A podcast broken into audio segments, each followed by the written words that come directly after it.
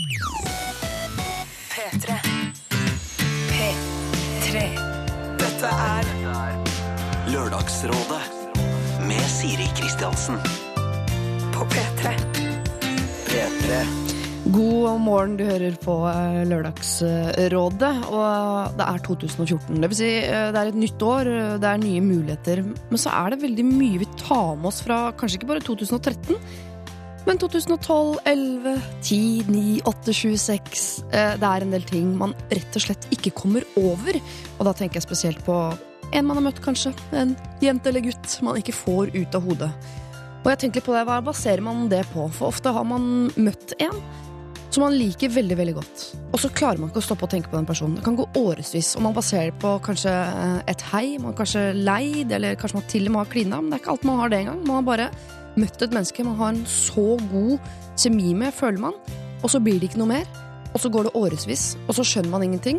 Og så glorifiserer man den leiinga, og så pøser man på noen spørsmål på toppen, og så får man ikke disse menneskene ut av hodet.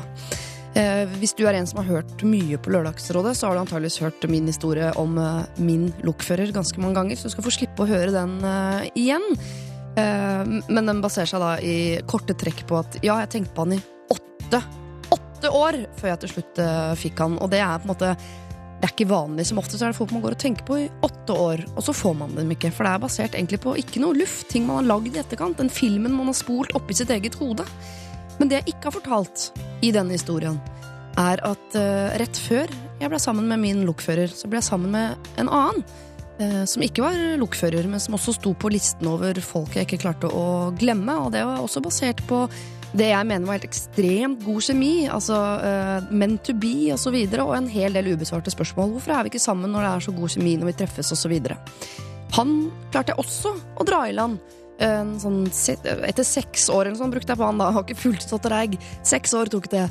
Eh, og det var jo tipp topp i noen uker, for da fikk jeg svar på alle de spørsmålene jeg hadde lurt på, og jeg fikk bekreftet at kjemien jo da, den var god begge veier, det var ikke bare i mitt hode osv. Men så var det ikke noe mer. Det var ikke nok. Det vil altså si at noen ganger så går man rundt med denne filmen i hodet sitt, og det er ikke nok. Når dere først blir sammen, det er ikke nok. Du har lagd ditt eget hode. Men så har du selvfølgelig da disse irriterende lokførerhistoriene, som er eh, altså unntakene i eh, dette her, som gjør at mange går rundt og håper i altfor mange år. Vi skal se om vi eh, får stoppa et tog nå om eh, litt, eller om vi skal oppfordre en jente til å fortsette å sitte på og se om det skjer noe på neste stopp. Men det skal jeg ikke gjøre alene. Jeg venter til rådgiverne kommer før vi tar den eh, avgjørelsen. Og flere avgjørelser skal vi ta. Helt fram til tolv skal vi sitte og gi råd basert på dine problemer. Så send dem gjerne inn til oss. Da bruker du eh, mail. lralfakrøll.nrk.no. Eller så sender du oss en SMS. Da er det kodeord P3, og det sender du til 1987. Et av mange bandnavn som overhodet ikke hadde fungert på norsk, det der. Soundgarden og deres eh, Black Hole Sun. I dag eh, er det jo eh, 18. januar eh, blitt, men vi skal eh, spole sånn cirka en eh, måned tilbake. 21. desember så var Else Kåss Furuseth her sammen med Audun Lysbakken og Synnøve Skarbø. Eh, Bildebevis kan du finne på Facebook hvis det skulle være interessant.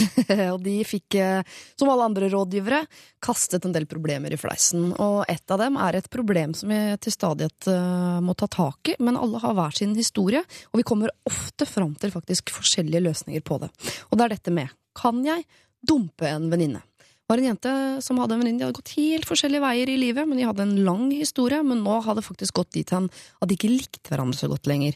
Eller hun likte i hvert fall ikke sin venninne, og var usikker på skal jeg si ifra om det. Eh, Kanskje hun skjerper seg, eller skal jeg slå opp med henne, eller skal jeg fade ut, eller hvordan skal vi gjøre dette her? Jeg satt Else Audun og Synnøve på saken, og her er noen av rådene de ga. Hun skriver jo om sånn der de to siste på Robinsonøya, og så er det jo ikke sånn, det er jo andre mennesker der ute.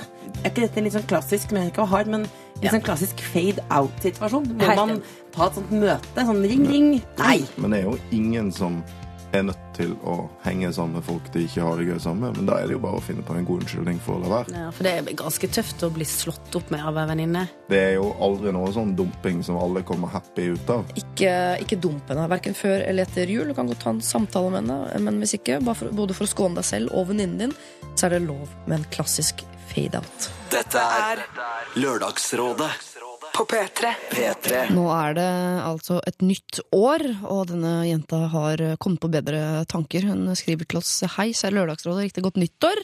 Tusen takk for me- velmente råd. Da jeg hørte problemet mitt på radioen, syns jeg at jeg hørtes helt forferdelig ut. Dumpe en venninne, liksom. Hvor kaldhjerta går det an å være? Jeg er helt enig i at angående å fade, at jeg skal fade ut, og burde kanskje nevnt at det er prøvd.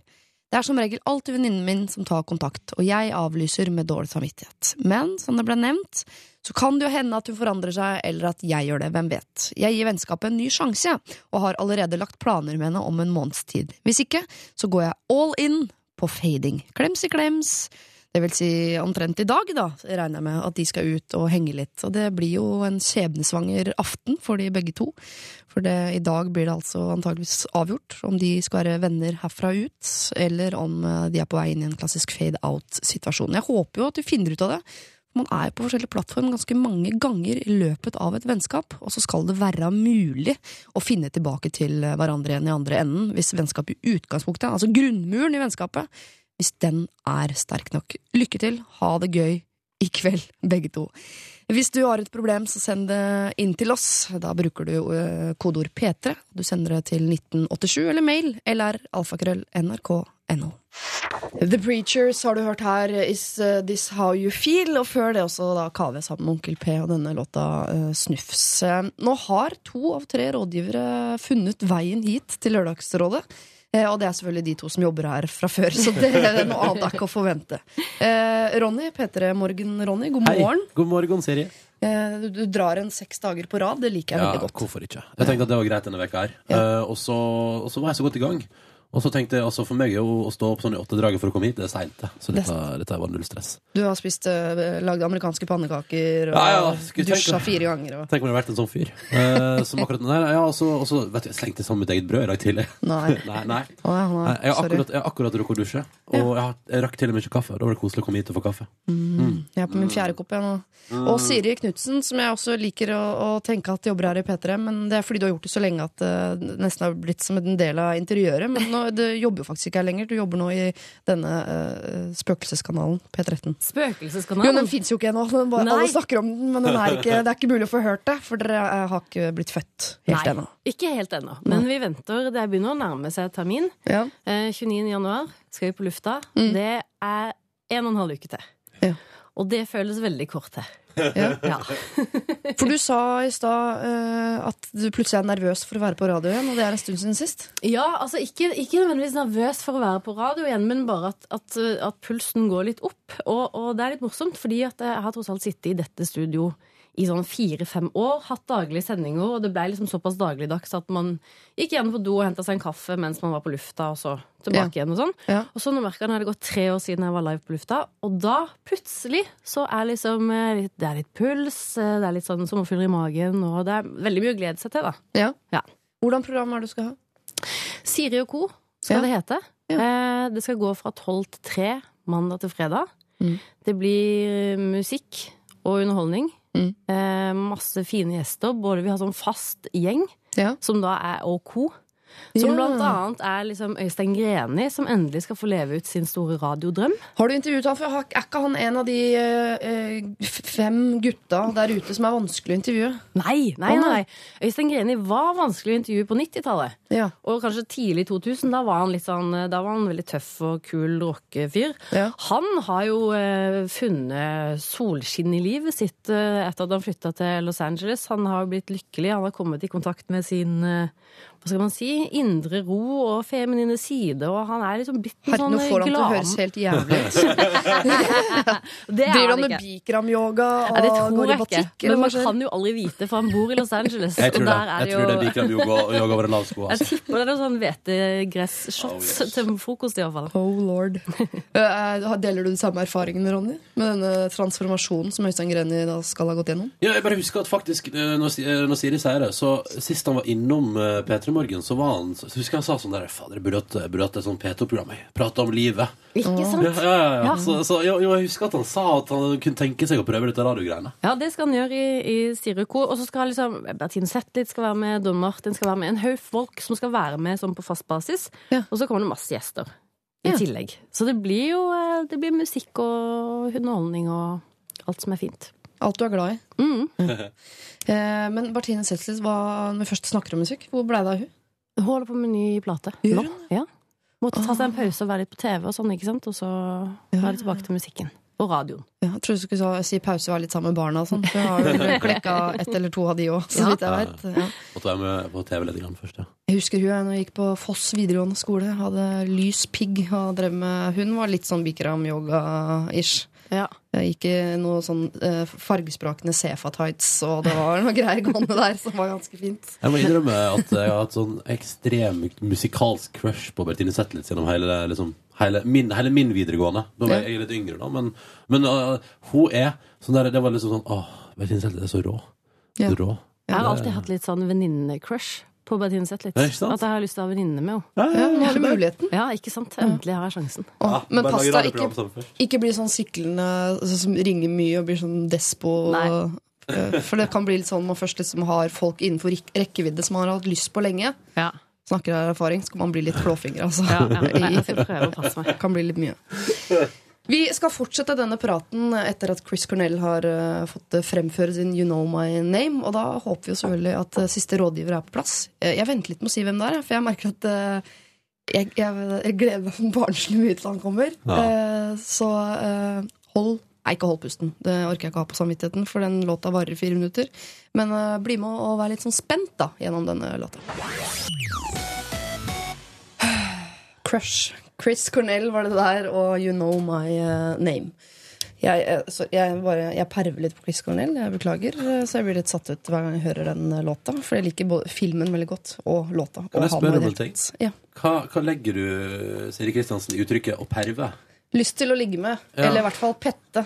Okay, ja. Eller noe i nærheten av Men, men vi skal dit, liksom? Ja, det, det, det er derfor det er å perve? Ja. Okay. Men da må jeg bare si, Siri, at for jeg er helt enig, han er jo en fryktelig kjekk mann. Som har holdt seg utrolig godt. Ja. Men jeg intervjuet han før jul, ja. eh, og han er jo en av de stjernene som kjører solbriller inne. Og nesten ikke gidder å ta deg i hånda. Oh. Ja. Ja, men trenger ikke å ta han i hånda. Han kan ta, han ha på seg solbrillene for min del. Det går helt greit, det.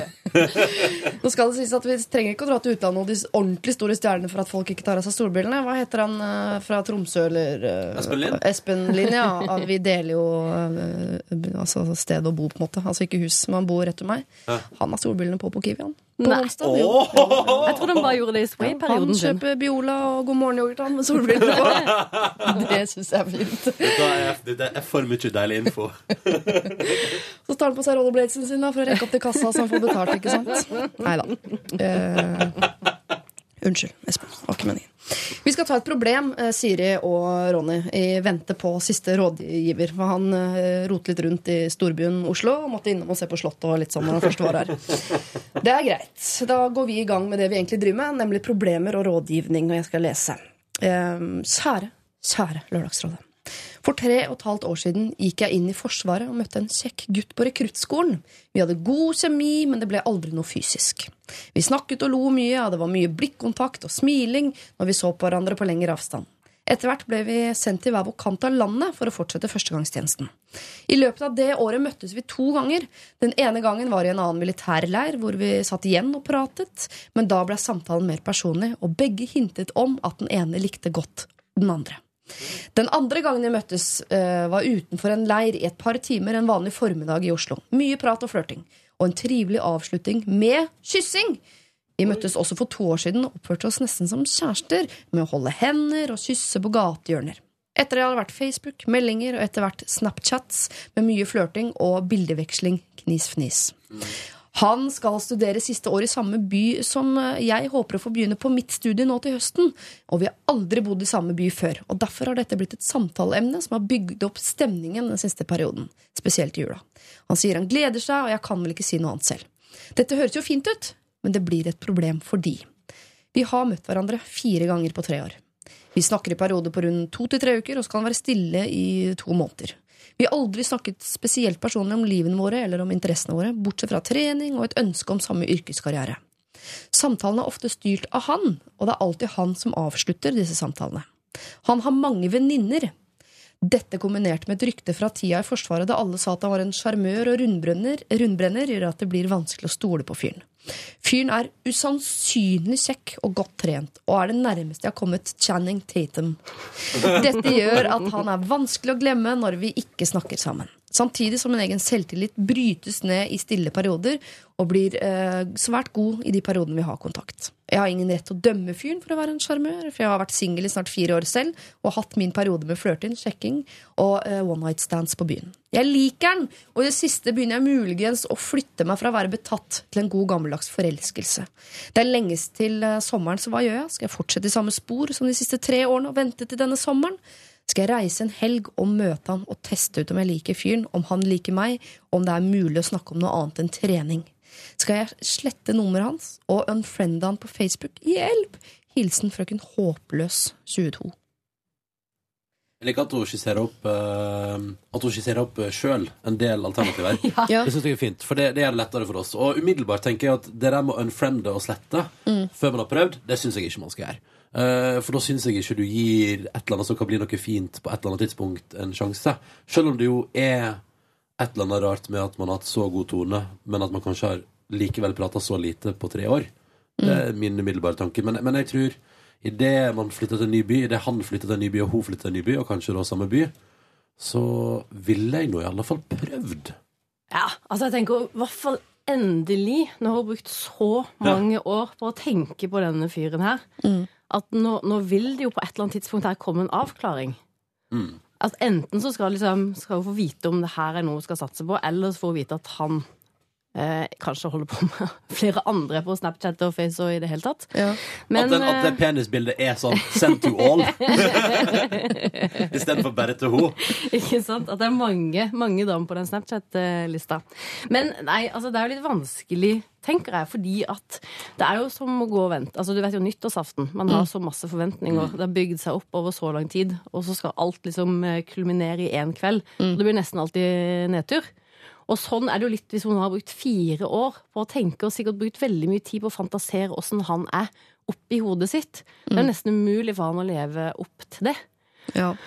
Men skal hun reise og møte han først, eller skal hun prøve å holde seg og vente helt til sommeren? ja, for det skal hun oppsøke denne avklaringen, eller skal hun ta den når den faktisk kommer?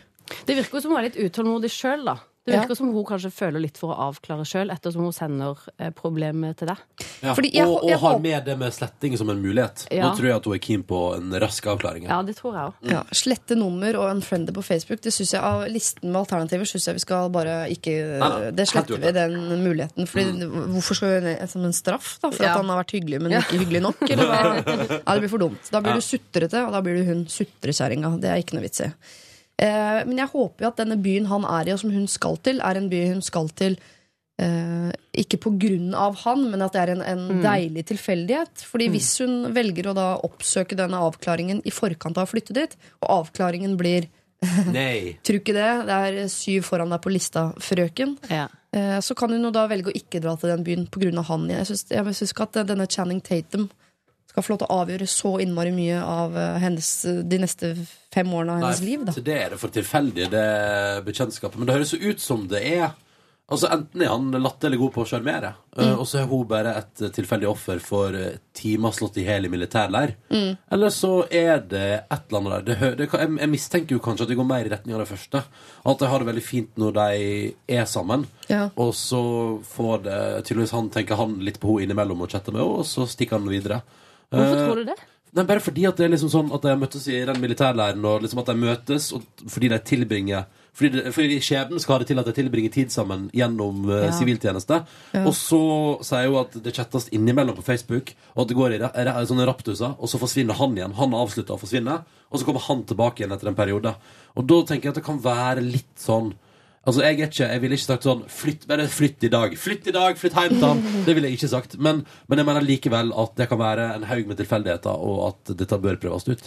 Det kan jo også være hun som setter seg i den situasjonen fordi hun rett og slett ikke tør å ta initiativ. At hun lar han styre alt fordi at hun ikke tør. For hun sier jo liksom det er han som tar initiativ til samtaler, og det er han som avslutter.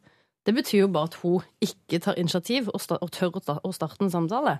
Så det er jo på tide at hun kanskje tør å vise litt Kanskje han tror at hun ikke er så interessert, siden hun ikke sjøl tar kontakt, osv. Litt av spillet, litt Ja. spillet, hva? Og jeg tenker litt akkurat det der med at han har mange venninner. Det er typisk sånn jenter eh, som, eh, som eh, jeg også kan kjenne meg igjen i. At hvis man på en måte er usikker på han, så blir det med at han har venninner, blir et problem. Sånn, og typisk, Kanskje han driver og flørter med alle, og sånn men det at han har mange venninner, kan jo også bare være veldig positivt. Det er, jeg er veldig glad i, altså Kjæresten min har jentevenninner, og, og det er jo veldig veldig fin ting. Ja. Sånn at Det trenger ikke å være noe problem, det. Det trenger ikke å bety at han er en runde. Det betyr at han kan kommunisere med damer på et sant? annet nivå enn eh, å snakke om ja, masse Ja. jentevenner, men, jeg har ikke, men det betyr ikke at jeg har eh, draget. Du har jo det også, for du har jo også har- kjæreste, kjæreste, på toppen av det hele. Ja, ja, ja. på toppen Men- av berget av venninner. Poenget er at jeg syns det der er virkelig Ikke under noen omstendighet tror jeg at det der er en ting som man skal henge seg opp i. da Fordi, ja, jeg er enig med deg Det betyr bare at man kommuniserer med jenter på et annet nivå enn 'hei, jeg vil ligge med deg', eller ha et eller annet på gang der. Ja. Eller så kan han være en sånn fyr som kommuniserer nettopp på det nivået der, så er det veldig mange som blir med fordi han ser ut som Channing Tatum. Ja. Ja, Det det vet vi ikke. Vet, ikke. Du kaller det Sebden vil at de skal møtes igjen og igjen og igjen. Kanskje. Eh, eller så er det eh, forsvarsministeren vår som gjør at de møtes igjen og igjen. igjen At de bare er i et system som ikke er altfor stort, eh, dette, dette forsvarssystemet vårt. Det er ikke så stort at, ikke, at det er helt sykt at de driver og møtes en gang eh, i året. Nei. Ok, Men jeg syns stikk på besøk. Hvorfor ikke? Ta, ta, hvis hun aldri tar initiativ, så da, da gjør du det nå. Da sier du, går du på Facebook-chatten og sier sånn Hei, hei, vi skulle ikke, vi skulle ikke bare tatt ei hyggelig helg sammen, deg og du, da. Ja, jeg, jeg, jeg syns i hvert fall at hun skal begynne å ta initiativ Ja. i forhold til han. Ta kontakt, prøv prøve å få i gang noen samtaler som handler om kanskje litt andre ting enn trening, for å finne ut av om de har noe mer til felles enn bare liksom, kjemi og det å kysse på gatehjørnet sånn en gang i året. Og så se om det er noe mer å hente der. For jeg tror, som vi ble enige om i stad, at jeg tror hun liksom er veldig klar for en avklaring på en eller annen måte. Og nå sier hun at hun lurer på men ikke hun er på vei til å gå fra å være betatt til å bli ordentlig forelska. Og da må hun finne ut av om hun liksom Hva slags fyr er det egentlig hun er Men hvorfor går hun fra betatt til forelsket nå? Det er ikke fordi de er noe mer sammen nå enn før. Ja, nei, men Det er jula. jul, da. Det er den, det er den filmen hun har lagd i sitt eget hode om hva det er de to har sammen. Mm. Og jeg har masse teorier her, og noen er veldig positive, og noen er neg veldig negative. Fordi man kan si sånn og de har det dødsfint når de er sammen. Jeg nekter å si at den kjemien er bare noe hun føler på. Det må han også føle på. Det er sånn man i hvert fall sier til seg selv. Men samtidig så er ikke kjemien god nok til at de har så mye mer med hverandre- øh, å gjøre i etterkant når de ikke er på samme sted. Sånn. Så det er vanskelig å vite. Jeg tror hun må vise en annen side av seg selv. Hun må ikke bare dilte etter å bli med på hans treningsprat. Og hans, hun må vise en, eh, den siden av seg selv som veldig mange jenter er redd for å vise, nemlig sin indre Megge. Altså man, eh, jo, men man må, er nødt til å sette ned foten på en eller annen måte eller vise en annen side av seg selv, Fordi den siden må han like. Hvis ikke han liker den andre siden av deg, så kan ikke dere to bli kjærester. Og det er vondt, men det er i hvert fall en avklaring. Så jeg tror her må hun sette ned foten. Eh, og eh, bare være ikke hun som bare dilter med er sånn ja, jeg, ja, nå jeg løp på tirsdag, det var skikkelig kult. Og jeg vil bli eh, forsvarsminister når jeg blir stor. Kan ikke, altså, kan ikke fortsette det sporet der. Hun må finne ut av om han liker henne godt nok til også å like henne når hun snakker om eh, dritting, eller når hun er sur, eller hva det måtte være. Mm. Men nå- vet vi ikke åssen det er Altså Vi vet jo ikke hans syn på dette her. For det kan jo være at han egentlig bare er veldig betatt av henne, og så tør han kanskje ikke å være altfor pågående, så han bare tar kontakt med henne innimellom. Og så plutselig så kommer sånn Megge. Jeg trenger ikke være Megge, men hun kan sette ned foten Nei, jeg mener Sette ned foten med sånn Du, nå har vi holdt på å surre veldig lenge. Men dere har jo ikke holdt på å surre. Jo, men I hennes hode så har de det. Ja, si, det- jeg, det- det jeg, har tenkt på deg nå i, Jeg har tenkt på deg i fire år. Jeg, jeg har tenkt på deg i fire år. Jeg, det jeg liker deg kjempegodt. Og nå, nå må jeg liksom Hæ? Jeg hadde frika ut hvis, hvis, hvis det liksom var sånn hyggelig innimellom, og hun aldri tok initiativ, og så plutselig da kom hun og sier sånn Jeg har tenkt på det i fire år, nå men dette her seriøst blir noe. Jeg er helt enig med, med Siri Knutsen der. Synes uh, her, Hvis du hadde vært forelska i henne i de fire årene, hadde du blitt redd da? Hvis du ikke hadde vært det, så hadde du blitt redd. Men det er jo greit, det. Nei, nei, men, men, hvis, hvis, jeg, hvis, men hvis, jeg følt, hvis jeg i fire år har følt på at jeg prøver å ta et initiativ, men den andre ikke svarer på det, Ja. så tror ikke jeg en sånn brå sånn 'Jeg har vært forelska i fire år, hvorfor bryr du deg ikke?' er litt i overkant, da. Jeg tror det er litt i overkant. Jeg tror det er fint, ja. Hun må, skre ja, hun må skremme han litt, fordi eh, man må, eh, et forhold må tåle at man kan skremme hverandre litt. Og det har gått fint. Det er ikke på første daten, dette her. De har jo drevet og flørta i fire år nå. Hun må sette ned foten. Men det er jo ikke et forhold. Det er et et forhold. Nei, det er ikke et forhold. slags- det er et forhold. Akkurat som jeg og Ronny har et slags forhold. Siri, vi har et slags forhold. Altså, det er et slags forhold. Ja. Man må få lov til å sette foten eller en. Ah, forhold mellom relasjonen. mennesker. Ja. Jo, nei, men, nei, men jeg- hun må i hvert fall ut der. Hun må Ja. ut og ta noe initiativ og finne ut av det. Hun må banke på døra. Ja. Sånn i overført betydning. Da hadde jeg blitt redd hvis noen hadde bare stått Ja. og banket på døra en dag. Det må du ikke gjøre. Altså, det er jo grensa, det. Du må ikke fysisk være til stede. Nei, men ta initiativ til noe mer, i hvert fall. På Ja. Facebook. Ja, enig. Stakkars deg, frøken Håpløs, 22. Eh, dette har surra godt lenge, og den filmen har vært fin i ditt eh, hode. Og kanskje er den det på ordentlig også. Det må du finne ut av. Og vi syns ikke du skal vente til sommeren. Vi syns du skal finne ut av det nå. Og det betyr at du må ta litt initiativ. Sorry, jeg får mail hver eneste gang, og jeg sier det ordet om at jeg sier det feil. Ja vel! Så gjør jeg mye annet riktig i livet, da. Hvordan sa du det? Jeg gidder ikke å si det om igjen. Ta, eh, altså, eh, ta litt eh, Fins det noen andre ord man kan bruke? Nei, Start noen samtaler, eller send noen mail, eller ring hvis eh, du vil. Og sette i gang en samtale som handler om noe annet enn trening og flørting. Og, og, og foreslå for eksempel, kanskje at du skal besøke han da en helg. Og hvis han friker av det, vet du, da kan du ikke være sammen. Da eh, må du la Channing Tatum eh, surfe videre i sitt liv, og så må du finne deg en, en annen, eh, rett og slett, som er eh, litt mer på hugget. Jeg ønsker deg lykke til. Og så vil jeg si til dere andre eh, at dere også kan få råd her i Lørdagsrådet. eh, Men da må du si hva problemet ditt er. Gjerne på SMS, kodeord P3 1987. Eller på mail. Da er det uh, lralfakrøll.nrk.no. Envy var det der, og deres In Your Arms. Og før det hørte vi Vance Joy og denne låta Riptide. Fin. Det virker som du sitter og følger med, Ronny, når jeg sier ting- ting på om jeg sier det riktig. Nei, nei, nei, nei, nei, to, sånne musikk-flinkis-snobbish people eh, her inne, som da er Ronny og Siri, som har vært her en stund. Så har vi også da eh, endelig eh, fått på plass tredje og siste rådgiver for dagen. Stian fra hva skal jeg si, Paradise Hotel Robinson i det hele tatt. Ja, du kan si hva du vil. Kan jeg si hva jeg vil? Ja. det, Altså, Nå jobber jeg jo egentlig som musiker, altså, når du sa at det her, vi har to sånne musikkfolk her. Så bare, Men hvordan musikk er det du da Er det den musikken vi spiller, som er dine hjertebarn? nei. For så vidt. Altså, jeg lager veldig sånn eh, kommersiell, veldig sånn streamingmusikk, kaller de det.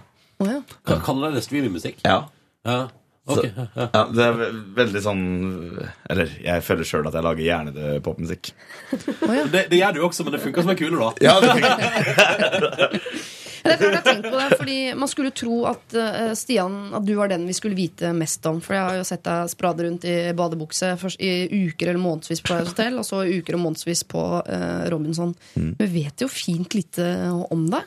Eh, og her i Lørdagsrådet så tar vi alltid en ganske god runde på sånn sivil status. Ja. Da, så da begynner vi med deg på den. Ta litt, Utbrodere litt sånn hvor du er i livet. Å, herregud. Hvor jeg er i livet. Ja, det, ja. det, det, det er så det Hvordan bor du, og med hvem, og alt, liksom? Jeg har kjæreste, da. Ja. Og så jeg bor sammen med henne. ja. Og det føler jeg at det, det har jeg gjort nå i seks måneder, og det er en ganske stor prestasjon til meg å være. faktisk, At jeg har klart å holde på en dame over uh, så lang tid. ja. Yes, er- Gratulerer! Ja, takk, takk, takk, takk. Og hvor bor dere, da? I Fredrikstad. Ja. Ja, vi har liksom en, eh, en kåk der, da. Og der bor jeg med hun og hunden. Og en hund, ja. Så jeg er blitt helt A4 det siste, siste halvåret her. ja. Hvor traff du henne? Hun traff hun kom fra Altså, En venninne av vant eh, to billetter til en konsert jeg hadde. Oh, ja. Så var hun eh, venninna som venninna tok med. ja. Så det var eh, sånn jeg traff henne, egentlig. Groupie. Ja, jeg, jeg kaller henne det. Og det som er greia Så du utnytter henne egentlig bare? Nå. Nei, det er hun som utnytter meg. For det, det som er greia er sånn at Jeg hadde aldri fått henne hadde ikke vært for at jeg har vært på TV. og sånt ikke? Så jeg er, sånn, så jeg er jævlig, jævlig fornøyd. Da. Jeg, det, det som er greia at det var jo mange damer som dukka opp etter TV. Ja. Før, uh, før det så var jo bare en sånn random sånn halvsjukass som fløy rundt og egentlig ikke hadde drag på noen. Men når du har vært på TV, så får du drag på alle. Ja. Så til en viss altså, så levde jeg det livet, da, det såkalte rockestjernelivet et år. Og så jeg vet ikke, så dukka hun opp, og så syntes jeg hun var såpass bra at jeg liksom måtte liksom, her må jeg slå til. ja, Så da slo deg til ro eh, med hun. Ja. Så koselig. Er hun fra Fredrikstad, eller? Nei, hun er fra Nord-Norge. Ja, ikke sant. Men det er jo Altså, Fredrikstad er jo eh, Østlandets eh, Nord-Norge, hvis du skjønner hva jeg mener. Ja, det er godt mulig. Jeg er veldig glad i nordnorske jenter. da, De er kling gærne. Hun er det. For å si Ja. det sånn. Det er ikke Vidar-Lill, ikke sant? Nei, det er ikke Vidar Lill. For det var mange som trodde det skulle bli dere to til slutt. Ja, Ja. dessverre. Så Nei, jeg har mye å si om det, men det kan vi ta på et annet program. Jeg føler Stian allerede har gitt det beste rådet vi kommer til å få hele, hele dagen. Hva Hvis du ikke har dager på damer, og bare er en helt sånn vanlig Random fyr. fyr, random fyr Kom deg på TV. Får du med damer, og alt bare ordner seg. Men funker det andre veien, tror du? At jenter også, Kan de jentene som har vært med, bare velge og vrake? Nei. Nei, Nei. overhodet ikke. Hvorfor ikke? Ja, Det syns jeg er forferdelig trist. For at det er, eh, kjønnsrollene er eh, skrudd 50 år tilbake. Altså når alt kommer til alt. Så Ja. synes jeg det er litt sånn Vidar-Lill, eh, den sesongen jeg var med på Paradise Hotel, da hun vant jo hele greiene. Slapp kula og ble en legendarisk Paradise. Ja. Ja, jeg vet det. Og samtidig så syns jeg, synes ikke hun får anerkjennelsen hun fortjener. For det at rett og slett hun er jente. Mens en gutt har mye lettere for å bli en helt da, i sånn TV-sammenheng.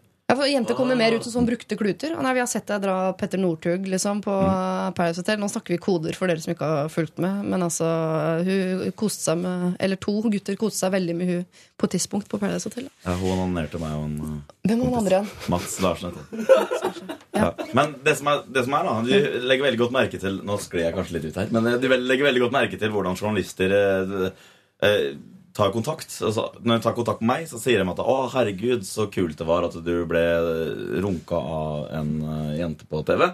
Hvis de ringer henne, så er spørsmålet Herregud, Vida, hvor mye angrer du på det her? Det, er, det, er, det er det jeg mener om skjønnsroller skrudd litt 50 år tilbake i tid. Og det er det som er det viktigste, da, som eh, tipset jeg gir til alle reality-stjerner der ute. Nå skulle jeg. Få dere penis. Nei, ja, få dere penis, eller aldri gå i den boksen at man blir et offer. Ja, ja. Eh, Det skal jeg huske på hvis jeg en dag vurderer muligheten for å bli reality-kjendis. Uh, vi skal straks ta eh, Nei, vi kan jo vi tar kjapt på dere om fortsatt deres sivilstatus er den samme som før. Ronny? Jeg er i et forhold. Ja. Har vært det faktisk Nå, nå begynner det å bli en stund. Med Tuva og Peter? ja, det stemmer. Eh, vi bor i to forskjellige byer, da, så det er litt sånn Så det er et avstand Så jeg kan gi masse Eller vet ikke om jeg kan gi så masse råd, men uh, jeg kjenner på følelsen hvis det handler om avstandsforhold på et tidspunkt her i dag. Du fikk ikke henne etter at du først begynte å være på TV? Du har vært litt Nei, på eller altså ja, nei, nei, hva heter den Strengt Peter Morgen-traileren? Ja, ja, ja, ja, ja, ja, ja. Litt av jeg lytta Morgen-promo på TV, så var det hoi!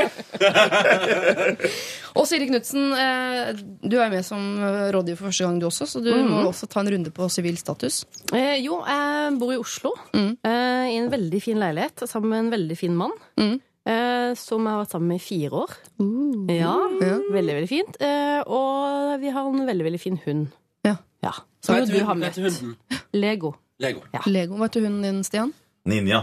Nei, slutt, da! Jo. Ninja Lego er den feteste Legoen. Ja, Ninjago, er ikke det? Ja. Og da burde jeg hatt en som het Chima. Så hadde vi hatt, eh, ja, ok, Dette blir veldig gøy for de yngste lytterne da, som driver mye med Lego. Eh, vi går videre. Eh, straks altså et eh, problem. Vi har plass til flere, så hvis du har et eget, send det inn. lralfakrøll.nrk.no. Eller så bruker du SMS. Det er kodeordet P3, og du sender det til eh, 1987. Dette her er M83 og deres Midnight City. Dette er P3. Unnskyld, det er ikke lov å plystre på popmusikk. Det- Nei, nei, nei. Jeg har en eh, eks som ble kastet ut av konsert en gang fordi han satt og plystret oppå hun eh, jazzsangeren som sang. Det er ikke lov å plystre til musikk. det er litt verre, Ja. faktisk. M83, jeg beklager eh, at jeg plystret til Midnight City, men sånn går det av og til når dere bruker saksofon. Ja, så bruker jeg min kroppslige saksofon. Altså uh, plystringa med munnen. Eh, dagens rådgivere er eh, Ronny Brede Aase fra P3 Morgen. Hallo. Han kjenner dere godt. Eh, Siri Knutsen, tidligere P3, nå P13-kvinne. Eh, og eh, Stian. Eh, Reality-Stian. Ja. Sånn har det blitt. Ja. Jeg må bare si det. Ja, det er det. det. Eh, Vi hopper rett i et uh, litt tungt problem. Eh, det er kort, og jeg skal lese i sin helhet. Kjære Lørdagsrådet. Jeg ønsker svært gjerne hjelp fra dere. Fra jeg var tolv år, har det skjedd mye i livet mitt på den negative siden. Jeg har aldri fått den hjelpen jeg trenger for å bearbeide alt. I dag er jeg 22 år, og fortsatt er det mange problemer som følger meg den dag i dag. Jeg vil oppsøke hjelp, men hvordan gjør jeg det?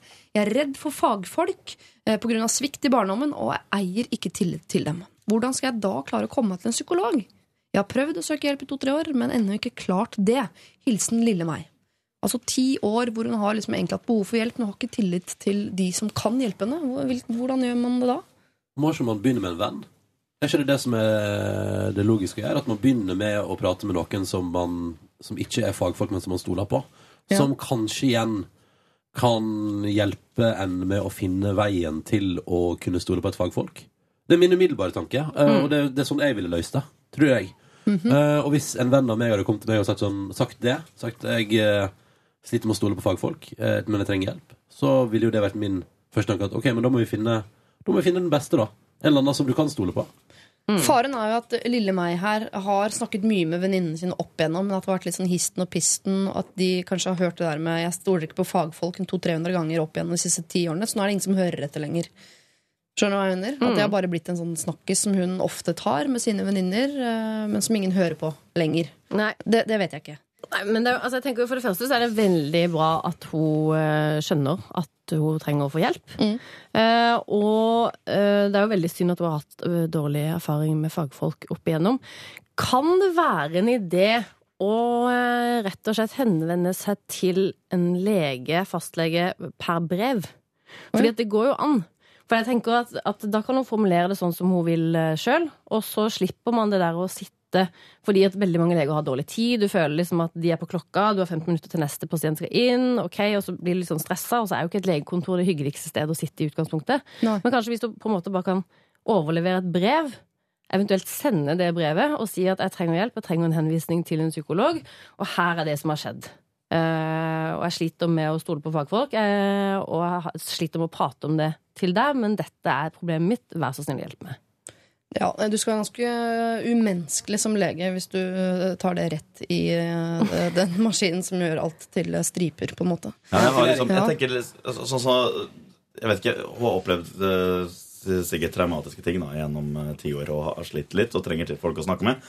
Og tips nummer én man får altså, etter å ha vært i for utenlandstjeneste, altså når jeg var i Afghanistan, så opplever man en del sånne traumatiske ting. Og det tipset man får, som og også har funka i ettertid, bedre enn noe, noe psykolog, det har vært å snakke med folk som har hatt det samme problemet som eh, da meg og andre kolleger fra Forsvaret. Ja. At man har liksom samlas og snakkas, mm. snakket sammen. Og jeg tror kanskje det at i dag, da, hvor man har blogger, hvor man kan for eksempel komme i kontakt da, med mennesker med det samme problemet, at man tar kontakt med likesinna. Og heller prøver å oppnå en annen form for forbindelse med at man kanskje ringer og For det er helt sikkert flere som har det sånn som det lille meg har der ute. At, Helt sikkert. Og så finnes det jo støttegrupper for alt. Ja. Hvis du bare googler litt. Ja. Ja. Du, Kanskje eh, det å ta det online ikke er så dumt? At man kan begynne der. At vi hent, drar med oss det tipset ditt Siri, videre med brev, men kanskje ikke til uh, lege. Det er ikke sikkert du trenger å gå til psykolog engang. Du skal ikke slå beina under hele den, det fagfeltet der. Er ikke det, nei, det må ikke gjøre. Nei, det skal ikke gjøre. Men eh, som du sier at det kanskje holder Stian å snakke med noen som har vært gjennom det samme. At man da må oppsøke en eh, Mm. blogg. eh, kanskje Skype med en på andre siden av jordkloden, for den saks skyld. Mm. At det gjør det litt tryggere. At ikke de kommer så nært, men at man kan være helt åpen om sine ting. For den du snakker med, har vært gjennom akkurat det samme selv. Jeg tror det er kjempelurt. Ja. Jeg tror, i men jeg, tror, ja. altså jeg tror også at Jeg har også gått til fastlegen min i forbindelse med at ting ikke har funka helt i hodet. Da. Ja. Eh, og jeg har blitt eh, sendt videre til en psykiater, hvor igjen de har bare vært opptatt av å liksom, medisinere da Mm. I kaste på deg et eller annet eh, som eh, som egentlig bare funker på over kort, kort sikt. Mm. Jeg har fått mye mer igjen for å snakke med folk som har vært igjennom det samme. Ja. For det, men det som er vanskelig, da, sånn som hun lille meg her, har sikkert vært altså, traumatisert over så lang tid. Så er det helt umulig å snakke med noen venninner som ikke har vært det. For de klarer ikke å sette seg inn i det. Nei. Det er litt der jeg kan kjenne meg litt igjen her. da, At det ting som man har vært igjennom som har vært dramatisk, som ikke folk kan på en måte relatere seg til i det hele tatt. Ja. Og det å finne likesinnede tror jeg er viktig. altså. Og det som jeg tenker også, Hvis hun klarer å komme i kontakt med noen eh, på nett eh, som har vært gjennom noe av det samme, eller i hvert fall eh, ja, til dels, så, så kan man eh, finne ut av hvordan de har eventuelt fått det bedre. Og så kan man få tips om f.eks. da psykologer eller støttegrupper eller folk som er spesialister på akkurat det feltet. Ja. Sånn at man kan liksom, for det, det er jo eh, nå har ikke jeg vært så veldig mange, men det fins jo dårlige psykologer der ute også. Mm. Og det å treffe en For hvis hun først klarer å komme seg til en psykolog, og så treffer en som ikke er så bra, dritt, ja. da er det jo da er løpet kjørt. Da kommer hun aldri til å ta kontakt med fagfolk igjen. Men det er viktig at hun da finner noen som faktisk skjønner akkurat hun og hun sitt problem og kan hjelpe. Og det handler ikke nødvendigvis om at psykologen er dårlig heller, men du er nødt til å treffe en psykolog som du har en personlig god kjemi med. Så det er jo bare en, det er ikke en dårlig psykolog, men det er som en, eh, en dårlig eh, venninne. Altså, det er ikke noe for deg. Dere har ikke en god tone. Dere klarer ikke å snakke sammen. Og så orker man ikke å pløye seg gjennom sånn eh, sju-åtte forskjellige psykologer. Men kanskje man kan få tips på en som er god på akkurat det du sliter med, eller en på din alder. Altså, hva vet jeg. Eh, men prøv eh, gå inn på nettet og finn likesinna der, og hør hvordan de har gjort det. Men kanskje holder det med bare de, eller så tar du det videre derfra. Eh, her var det mer kompetanse på fagfeltet enn jeg hadde trodd. Så jeg bare legger det i deres hender og sier hør på Stian, han har gjort dette her. Gå og finn likesinna på nett, og snakk med dem om dette. Og så lite tips også. Hvis du ønsker å snakke med venninnene dine om dette, så si fra først at nå jeg, vil ta, jeg har behov for en ordentlig prat om dette, og så tar du det på en tirsdag. Ikke eh, bare at det dukker opp en setning sånn etter to øl på en fredag, sånn som det pleier å gjøre. Fordi da folk slutter å høre etter hvert når man sitter og, og tar opp den samme tingen sånn litt etter litt etter litt. Man må si fra på forhånd. Jeg trenger en ordentlig prat. Og så må du sette deg ned da med én god venninne og snakke ordentlig om det. Eh, Det tror jeg er mer fruktbart enn å snakke sånn litt og litt med mange her og der. Lykke til! Jeg kan jo bare si at Vi får mange mail om det samme, eh, så jeg vet at du ikke du er eh, alene om eh, dette. her. Det kommer til å ordne seg. Du må bare finne en som du har god kjemi med og kan prate med. Ikona Pop All Night synger hun. Vi skal drive med rådgivning hele morgenen, altså fram til klokka tolv. Hurra! Hurra! Og nå jeg er så heldig å ha med tre stykker som har peiling på musikk her i Lørdagsrådet i dag, for nå skal vi inn i et problem som også til dels dreier seg om eh, musikk.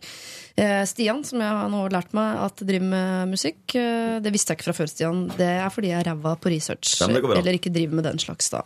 Siri Knutsen, som jeg jo vet at har jobbet med musikk her i P3 i mange år, og nå skal gjøre det i P13, og eh, Ronny Brede Aase, som jo også er.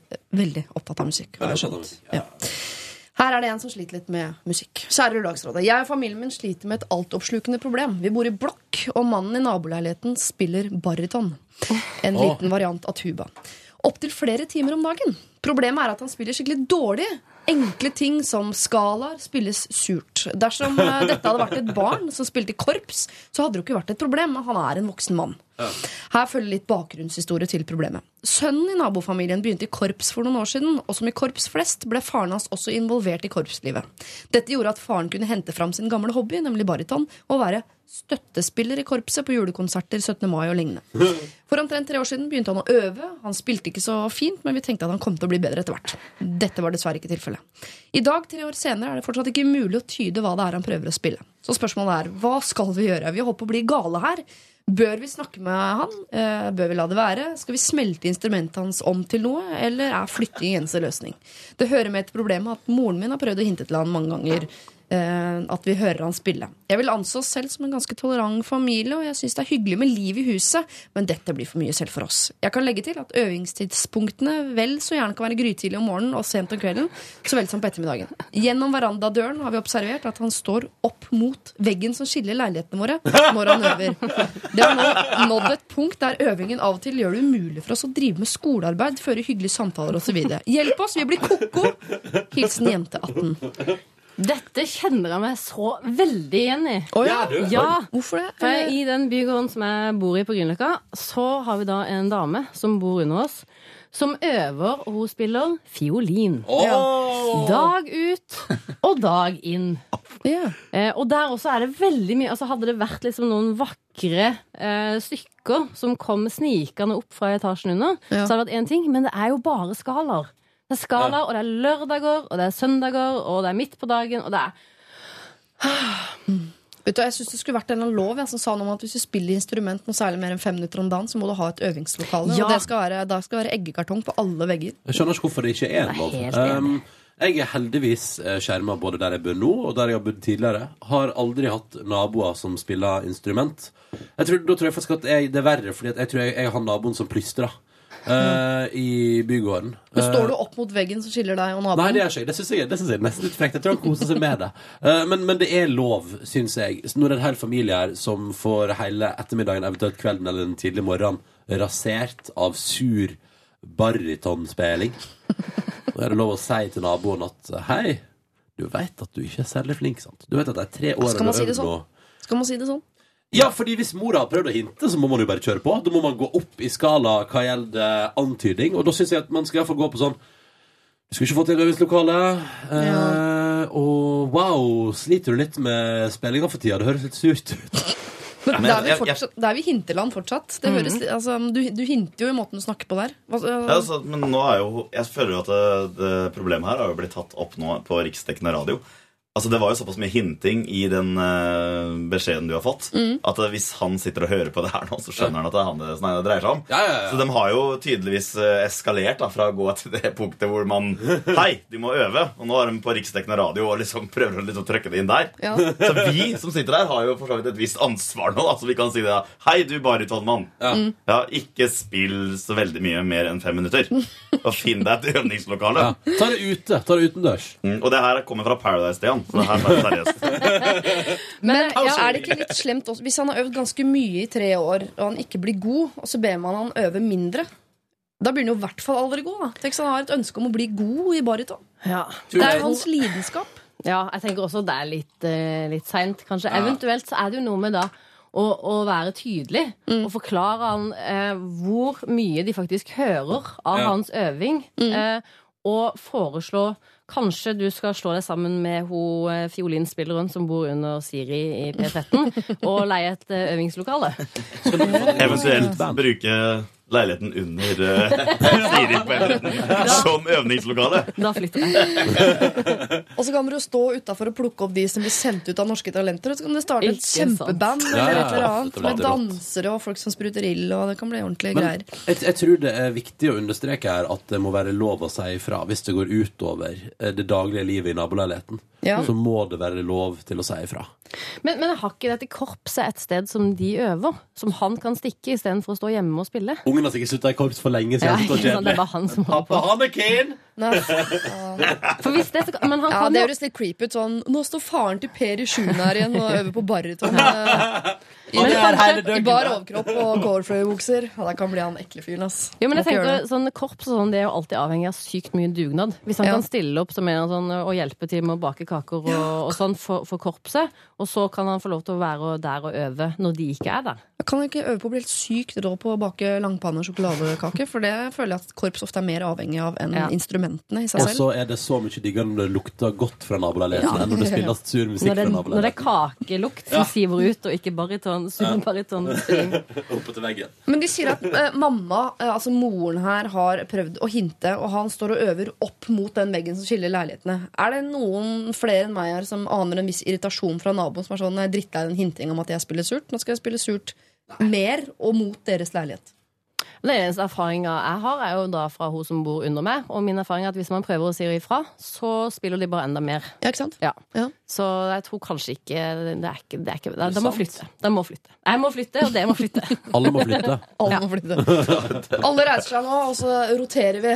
Én til venstre. Eh, kan man melde han på Norske Talenter, så han får en altså, ordentlig god beskjed om at du er ræva? Det får man jo ikke Norske Talenter heller, for da kan man være ganske ræva og likevel bli sendt videre. Jeg skulle til å si at kanskje kanskje det er feil talentshow. ja, Ja. ja, litt mer sånn ærlighet, hvis det Ja. fins. Kan man ta opp lyden og sende det inn et eller annet sted? Kan, kan de ta opp lyden, sende det inn til Lørdagsrådet, så kan vi spille det av? Og ta en kan- vurdering på om det er for gale. Ja, og så kan podkasten da igjen spilles av for denne baritonmannen. Ja. Så får han en tydelig tilbakemelding. Og det er en teknisk løsning på det hele som jeg kan like eh, godt. Og så er det noe hevn oppi det hele som jeg også kan like. Hvis du har muligheten til det, så send oss eh, noe lyd Ja, av hva ja, naboen ja. din eh, driver med. Men jeg, jeg må jo si som sånn generelt råd at hinting er ikke en kommunikasjonsform eh, vi kan anerkjenne. Det, men, det må vi slutte med. Jeg sender den beskjeden til flere eh, i familie og vennekrets osv. Slutt å hinte. Hvis dere vil at naboen skal slutte med noe, så må dere si det. Men si det på en hyggelig måte. Si det da, det går utover skolearbeidet. Vi får ikke sove. Eh, Vi har klort ut uh, alle instrumentene inni i ørene våre osv. Ja, jeg, jeg må si en ting der, fordi jeg tenker sånn, nå har, Det står her at mor har prøvd å hinte en del, Ja. uten, uh, men da må jente 18 her nå Da må hun kjøre på. Da er hun next, next in line til å prøve Mm. på en fin måte og fortelle naboen at du suger altså så enormt til å spille musikk, og du burde ikke gjøre det i naboleiligheten vår. Nei. Så nå er det jente 18 sin tur. Lykke til. Du får det til. Kan ikke hele familien stille seg opp utenfor døra? Og så er det sånn Vi får ikke sove! Vi får ikke leve livet! Dette går ikke lenger. Om ikke han, han må, altså Noe må han få lov til å øve i sin egen leilighet. For han har lyst til å spille baryton. Det er hans leilighet. Det må han få lov til Men dere må bli enige om noen klokkeslett, og ikke opp mot veggen. Det er det som provoserer meg. Og da, og, På badet! Da er det fin akustikk òg. eller legg en sånn bunke med sånn eggekartong utafor på dørmatta, så han skjønner at, eh, at jeg må lydisolere leiligheten. Går det? Men de kan jo også bare svare med sykt høy musikk fra sin side hver gang han begynner med baryton. Det er det jeg prøver litt på. Spill eh, Paradise Stian sine hits uh, Ja. om at om at om at. Se så, så så glad nissen er, sånn Ja. ut i juni. Da skal du se at det blir stille fra naboleiligheten. Jenteatten, her har du masse å ta tak i. Altså, spill musikken til uh, Stian. Uh, gjør det på den ordentlige måten. Gå og si fra. Uh, legg eggkartonger på døra eller et eller annet. Få henne til å flytte inn i leiligheten under Siri. Her er det veldig mye du kan velge og vrake i. Vi vil vite hva du velger, og om det funka. Så send oss en tilbakemelding på hvordan dette gikk. Og da sender du det på mail lralfakrøll.nrk.no. Jenta med den vakre stemmen som kaller seg da Farao, har mulighet til å vinne Urørt-finalen i slutten av eh, måneden oppe i Trondheim. Dette var eh, Tell Alive. Hvis du vil at hun skal vinne, så må du stemme på henne. Hun er Urørt-finalist nummer fire. Kunne jeg vært sånn stemme som sa sånne ting? Mm, du kunne det. Jeg syns det, er- synes det er litt sånn kleint eh, å si sånne ting, men eh, jeg kommer meg innom det. Ja, ja, ja, ja syns det. Eh, vi skal som sagt inn i dette skapet, som jeg sa før vi hørte Farao. Eh, det er en jente som står med døra litt på, på klem, kan du si. Hei, Lørdagsrådet. Jeg er en jente på 27 år, bor i Oslo og har over de siste åra kommet fram til at jeg kanskje er bifil. Fordi eh, det bare har vært kanskje, har eh, jeg ikke hatt noe behov for å komme ut til familien. Men de fleste vennene mine har over de siste to og et halvt årene fått vite om det på et eller annet tidspunkt. Men jeg ser ikke på det som et kanskje lenger. Jeg ser helt klart på det som en reell mulighet at jeg ender opp med en dame istedenfor en mann. Og det begynner jeg eh, stadig å bli mer og mer komfortabel med. Men familien min vet jo som sagt ikke dette. Jeg er jo da 27 år gammel og har rukket å ta med meg en gjeng guttekjærester hjem til foreldra opp gjennom tenårene og 20-årene. Jeg har også hatt samboer gjennom et par år, og jeg tror nok at foreldrene mine ville blitt uhyre overrasket hvis jeg plutselig sier hei, forresten, kan være jeg kommer hjem en dag med en jente istedenfor en gutt. Men jeg tror også at dersom jeg sier det, så vil de etter litt tid komme over sjokket og være helt ok med dette. Så burde jeg komme ut for, fa ut for familien før jeg finner meg en jente som jeg kan ende opp med? Jeg merker at jeg synes det er litt slitsomt hvis jeg må gjennom hele denne komme ut-prosessen hvis jeg ender med at jeg blir sammen med en fyr neste gang. Og så hadde jeg ikke trengt å komme ut i det hele tatt. Men samtidig er det dumt om jeg først treffer en jente, og så kommer ut i familien. Jeg kan risikere at de legger skylda på henne for at denne heterofile datteren deres plutselig er sammen med en jente. Hilsen Ellen. Skjønner dere? Ja, Ja. veldig. Ja. Her er vel egentlig handler om eh, kommunikasjon, tenker jeg. Ja. At uh, hvis man har et eh, bra forhold til familien sin, så tror jeg man kan si hva som helst, ja, så kommer man unna med det. Ja. For foreldre og sånne ting er stort sett glad i barna sine uansett hvilken legning man nå måtte ha. Ja. Så jeg tror det er at det å kunne si det altså, nå, selv om eh, du ikke nødvendigvis dykker opp med en uh, jentekjæreste, jeg tror jeg kan like greit. Ja, for at, eh, jeg tror når du er 27 år gammel, så vil jo da en, eh, en mamma og pappa tar henne seriøst også. Det er ikke noen sånn der opprørsk mm. 16-årsgreie, liksom. Det er 27 år gammel, og da tar man det opp på en bra måte, så, så tror jeg det er kanskje det smarteste. Ja. Men skjønner dere poenget med at det kanskje ikke er noe vits? For at hun kan jo like seg at ende opp med en mann, og da hadde, er det Ja. ikke egentlig noe vits å snakke om det i det hele tatt? Jeg, jeg tror da... det mm, Man skal jo Jeg tenker jo at man alltid i sånne sammenhenger skal heie på at man er ærlig, da. Og sier eh, Og liksom at man alltid har en åpen kommunikasjon. Ja. Men, så er, men så skjønner jeg òg det spørsmålet, fordi Ja, hva om hun da tar liksom den lange Men er det Det jeg tror man, man må kjenne litt på, er det en så lang runde å ta det med foreldra? Vi er i 2014, det burde jo gå ganske greit. Og så virker det jo ikke som hun er sånn kjempebekymra, for det står ikke at hun er redd for at de Nei. skal avvise henne, eller bli sint, eller alt det der. Men det står bare at uh, hun tror kanskje de kan bli litt overraska. Men at det kommer til å gå greit når de kommer seg over uh, sjokket. Ja. Og da tenker jeg at den risikoen er jo ikke så stor. Uh, hvis du risikerer å miste hele familien din Mm. eh, ved å komme ut, så skjønner jeg at det er en vanskelig avgjørelse å ta. Mm. Og for all del er det en vanskelig avgjørelse å ta uansett. Men jeg tenker Da at tenker jeg det er enda viktigere å ta det opp, egentlig. Ja, da. Ja. Men, uh, ja. ja, ja, absolutt. Men samtidig så det kan jo være at det er litt deilig for henne selv om hun da ender opp med en gutt. Ja. At familien vet det og er helt ok med det. Er dere sikre på det? For jeg tenker sånn, eh, Man har da drevet med mye rart eh, opp igjennom som singel. og Hvis man skal hele tiden involvere foreldrene sine i en slags sånn åpen kommunikasjon om det, så blir det sånn eh, Jeg lå med en fyr for deg, jeg, mamma, som hadde et arr over hele ryggen. Det blir ikke oss, da, men han hadde en fotfetisj. og det var det, men, eh, ja, men bare sånn Vi kommer aldri til å bli sammen, men det er en greie jeg gikk gjennom, da. Ja, sånn, altså, ja, ok, hvor mye, ja. Ikke fordi at det å være bifil er en fetisj, eller noe sånt, men jeg tenker at eh, hvis eh, sjansen for at det ikke er noe å snakke om, er jo til stede, Mm. og hvorfor Hvis hun får seg en eh, damekjæreste en dag, da, så burde det jo ikke Jeg bare tenker, Hvis vi skal komme oss dit at det ikke er noe issue i det hele tatt om du er sammen med en jente eller gutt, eller hva som er greia, så må man slutte å gjøre det om til en sånn veldig stor Man må late som det ikke er et issue selv. Så Ellen her eh, må ikke ta det opp som sånn Ok, familien, vi må ha råd. Mm. Nå skal dere høre her. Det er en side av meg dere ikke vet om. Jeg tenker at øh, Plutselig en dag får hun seg dame, og da må hun fortelle det hjemme sånn som en god nyhet. Å, jeg har funnet kjærligheten i mitt liv! Hun heter Kristin! Istedenfor sånn, å sette seg ned som litt sånn øh, øh, Nå må vi snakke sammen, folkens, på forhånd. Og så blir det ikke noen gang. Jeg, jeg, må, jeg for Jeg tror- kommunikasjon, jeg, altså, men må Ja. man det? liksom? Men kan, jeg, tror, tror det, jeg tror det er et par sånne variabler. Jeg tror det bunner litt ut i uh, går, går hun mye og tenker på om hun skulle tatt det opp med familien? Hun har gått såpass og tenkt på det at hun har sendt mail til Lørdagsrådet om det. ja. uh, og da, hvis, jeg tenker at hvis, det, hvis du bruker tid på å vurdere det, så er det kanskje like greit å bare få det overstått og si sånn. eh, det kan hende en dag at jeg kommer hjem med en jentekjæreste. Jeg bare- ville bare si det til dere, fordi jeg går mye og tenker på det. Og ta den approachen til det, fordi at hvis det blir Jeg, jeg føler at alle ting som man går og kverner sånn voldsomt på, bør man på et eller annet tidspunkt uh, lufte. Så Men jeg, Kverner jo hun på det fordi det er et problem for, for henne selv, eller fordi hun tenker at det er et problem for foreldrene? Og skal hun ta det hensynet i så fall? Jeg tror det at eh, hun tenker litt for mye på det selv. Ja. Jeg tror ikke det er så stor dramatikk i det. Nei, For det virker ikke sånn. For at det er ikke noe sånn derre Pappa er gammel fotballtrener for uh, Vålerenga og er så mannemann at, eh, at, at eh, det, det her vil si at han hogger av med begge hendene. Nei. Det virker ikke sånn i det hele tatt. Og det er, er jo et uh, relativt stort problem for henne. For at hun sier vel i mailen også at uh, hun mest sannsynlig kommer til å ende opp med en jente. Ja. Og da er det vel Ja. Men det er for, grunnen til at jeg tipser om det, at uh, man må snakke med foreldrene sine, er vel kanskje fordi jeg også at jeg er litt sånn farga, for at jeg har veldig snille foreldre. Ja. Men jeg kan si alt til. Ja. Jeg kan si at jeg lå med en dame med arr på ryggen. Med fotfetisj. Eh, Ja, med fotfetisj. Og det er liksom sånn en helt naturlig greie. Ja, Ja. nei, gjorde du det, Stian? Ikke sant? Men Så altså, Sier moren, er, er dere så åpne av moren din også sier sånn Ja, det husker jeg at jeg gjorde da jeg var 18. Og så smeller far til med sånn Jeg gjorde vel sjøl, men jeg var 22 og ja, Er dere, ja, vi er vel ikke så langt unna det. Shit, ass. det, Sånn er det ikke. Men, Nei, men, eh, men jeg tenker bare litt sånn i forhold til Hvis det da hun skulle ende opp med en dame, så er det kanskje Det er jo litt snilt å bare gi en liten sånn heads up eh, i forkant. Fordi at i og med at hun ikke har hatt noen jentekjærester så langt, og Ja. har hatt mange guttekjærester og vært samboer og sånn, at det kanskje kan være greit, som du sier, da, men ikke nødvendigvis ta sånn Mamma og pappa, vi må prate sammen. Jeg har noe jeg må fortelle. Men ta det kanskje den litt sånn lette approachen. Jeg, bare sånn, dette, altså jeg har tenkt på dette, og nå skal dere vite at det, det hender at jeg blir betatt av jenter. Sånn at jeg må ikke bli sjokka hvis den neste kjæresten min kanskje plutselig eh, har pupper.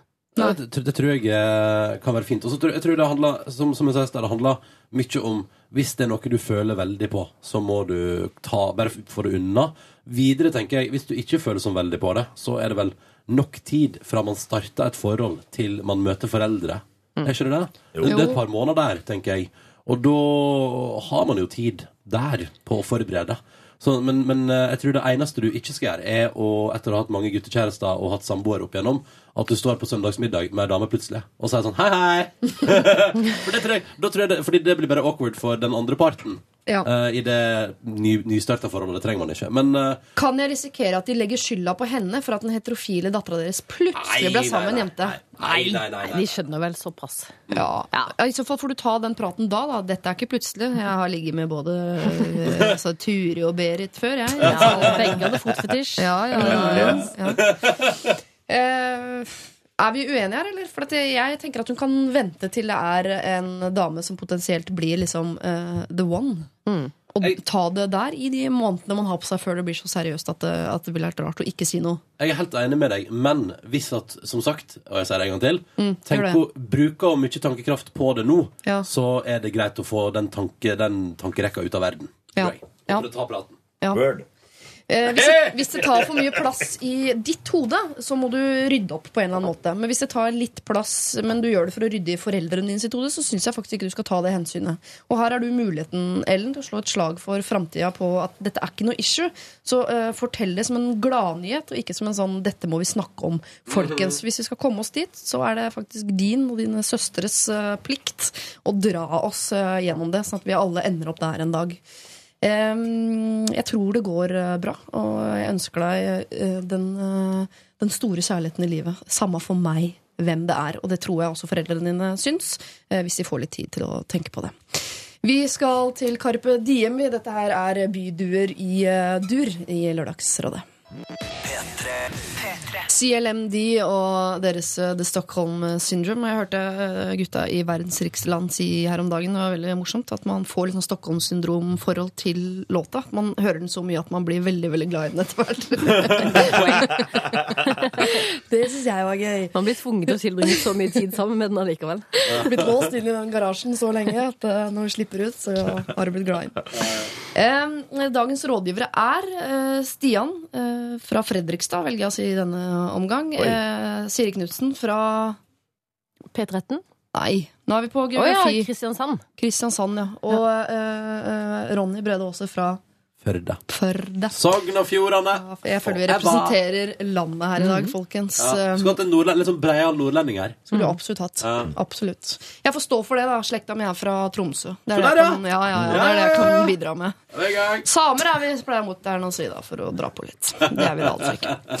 Eh, vi skal ta et uh, nytt uh, problem uh, som handler om sex. Hei, kjære Lørdagsrådet. Det jeg skal fortelle er komplisert, og jeg kunne dratt det ut i det uendelige, men jeg skal virkelig prøve å formulere meg kort. Det har han til en viss grad gjort.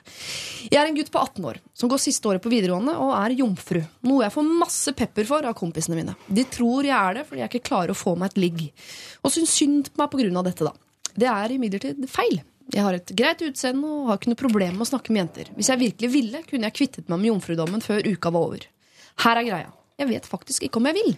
Det er ikke det at jeg ikke liker jenter. Greia er at jeg i mange år har vært dødsforelska i én og samme jente, som også har vært forelsket i meg. Grunnen til at jeg i dag er jomfru, er at jeg i alle år har villet spare meg for henne. Vi var veldig mye sammen og hadde det hyggelig. Men for en god stund siden flyttet hun sammen med familien sin til Amerika. Og det ble derfor eh, klart at det sannsynligvis ikke ville bli oss to. Dette er noe jeg har innsett, og jeg har prøvd å gå videre, men jeg klarer virkelig ikke å slutte å tenke på henne. Vi møttes i uh, utlandet i uh, fjor uh, og har reist mye sammen ellers, bare vi to. Jeg føler egentlig at hun er den som kjenner meg best. For ganske langt tilbake i tid ble jeg utsatt for et overgrep. Ikke så veldig vanlig at gutter snakker om slike ting, men det var nå det som skjedde. Dette har ført til at jeg vokste opp med en veldig usunn seksualitet, som jeg også syns er skummel.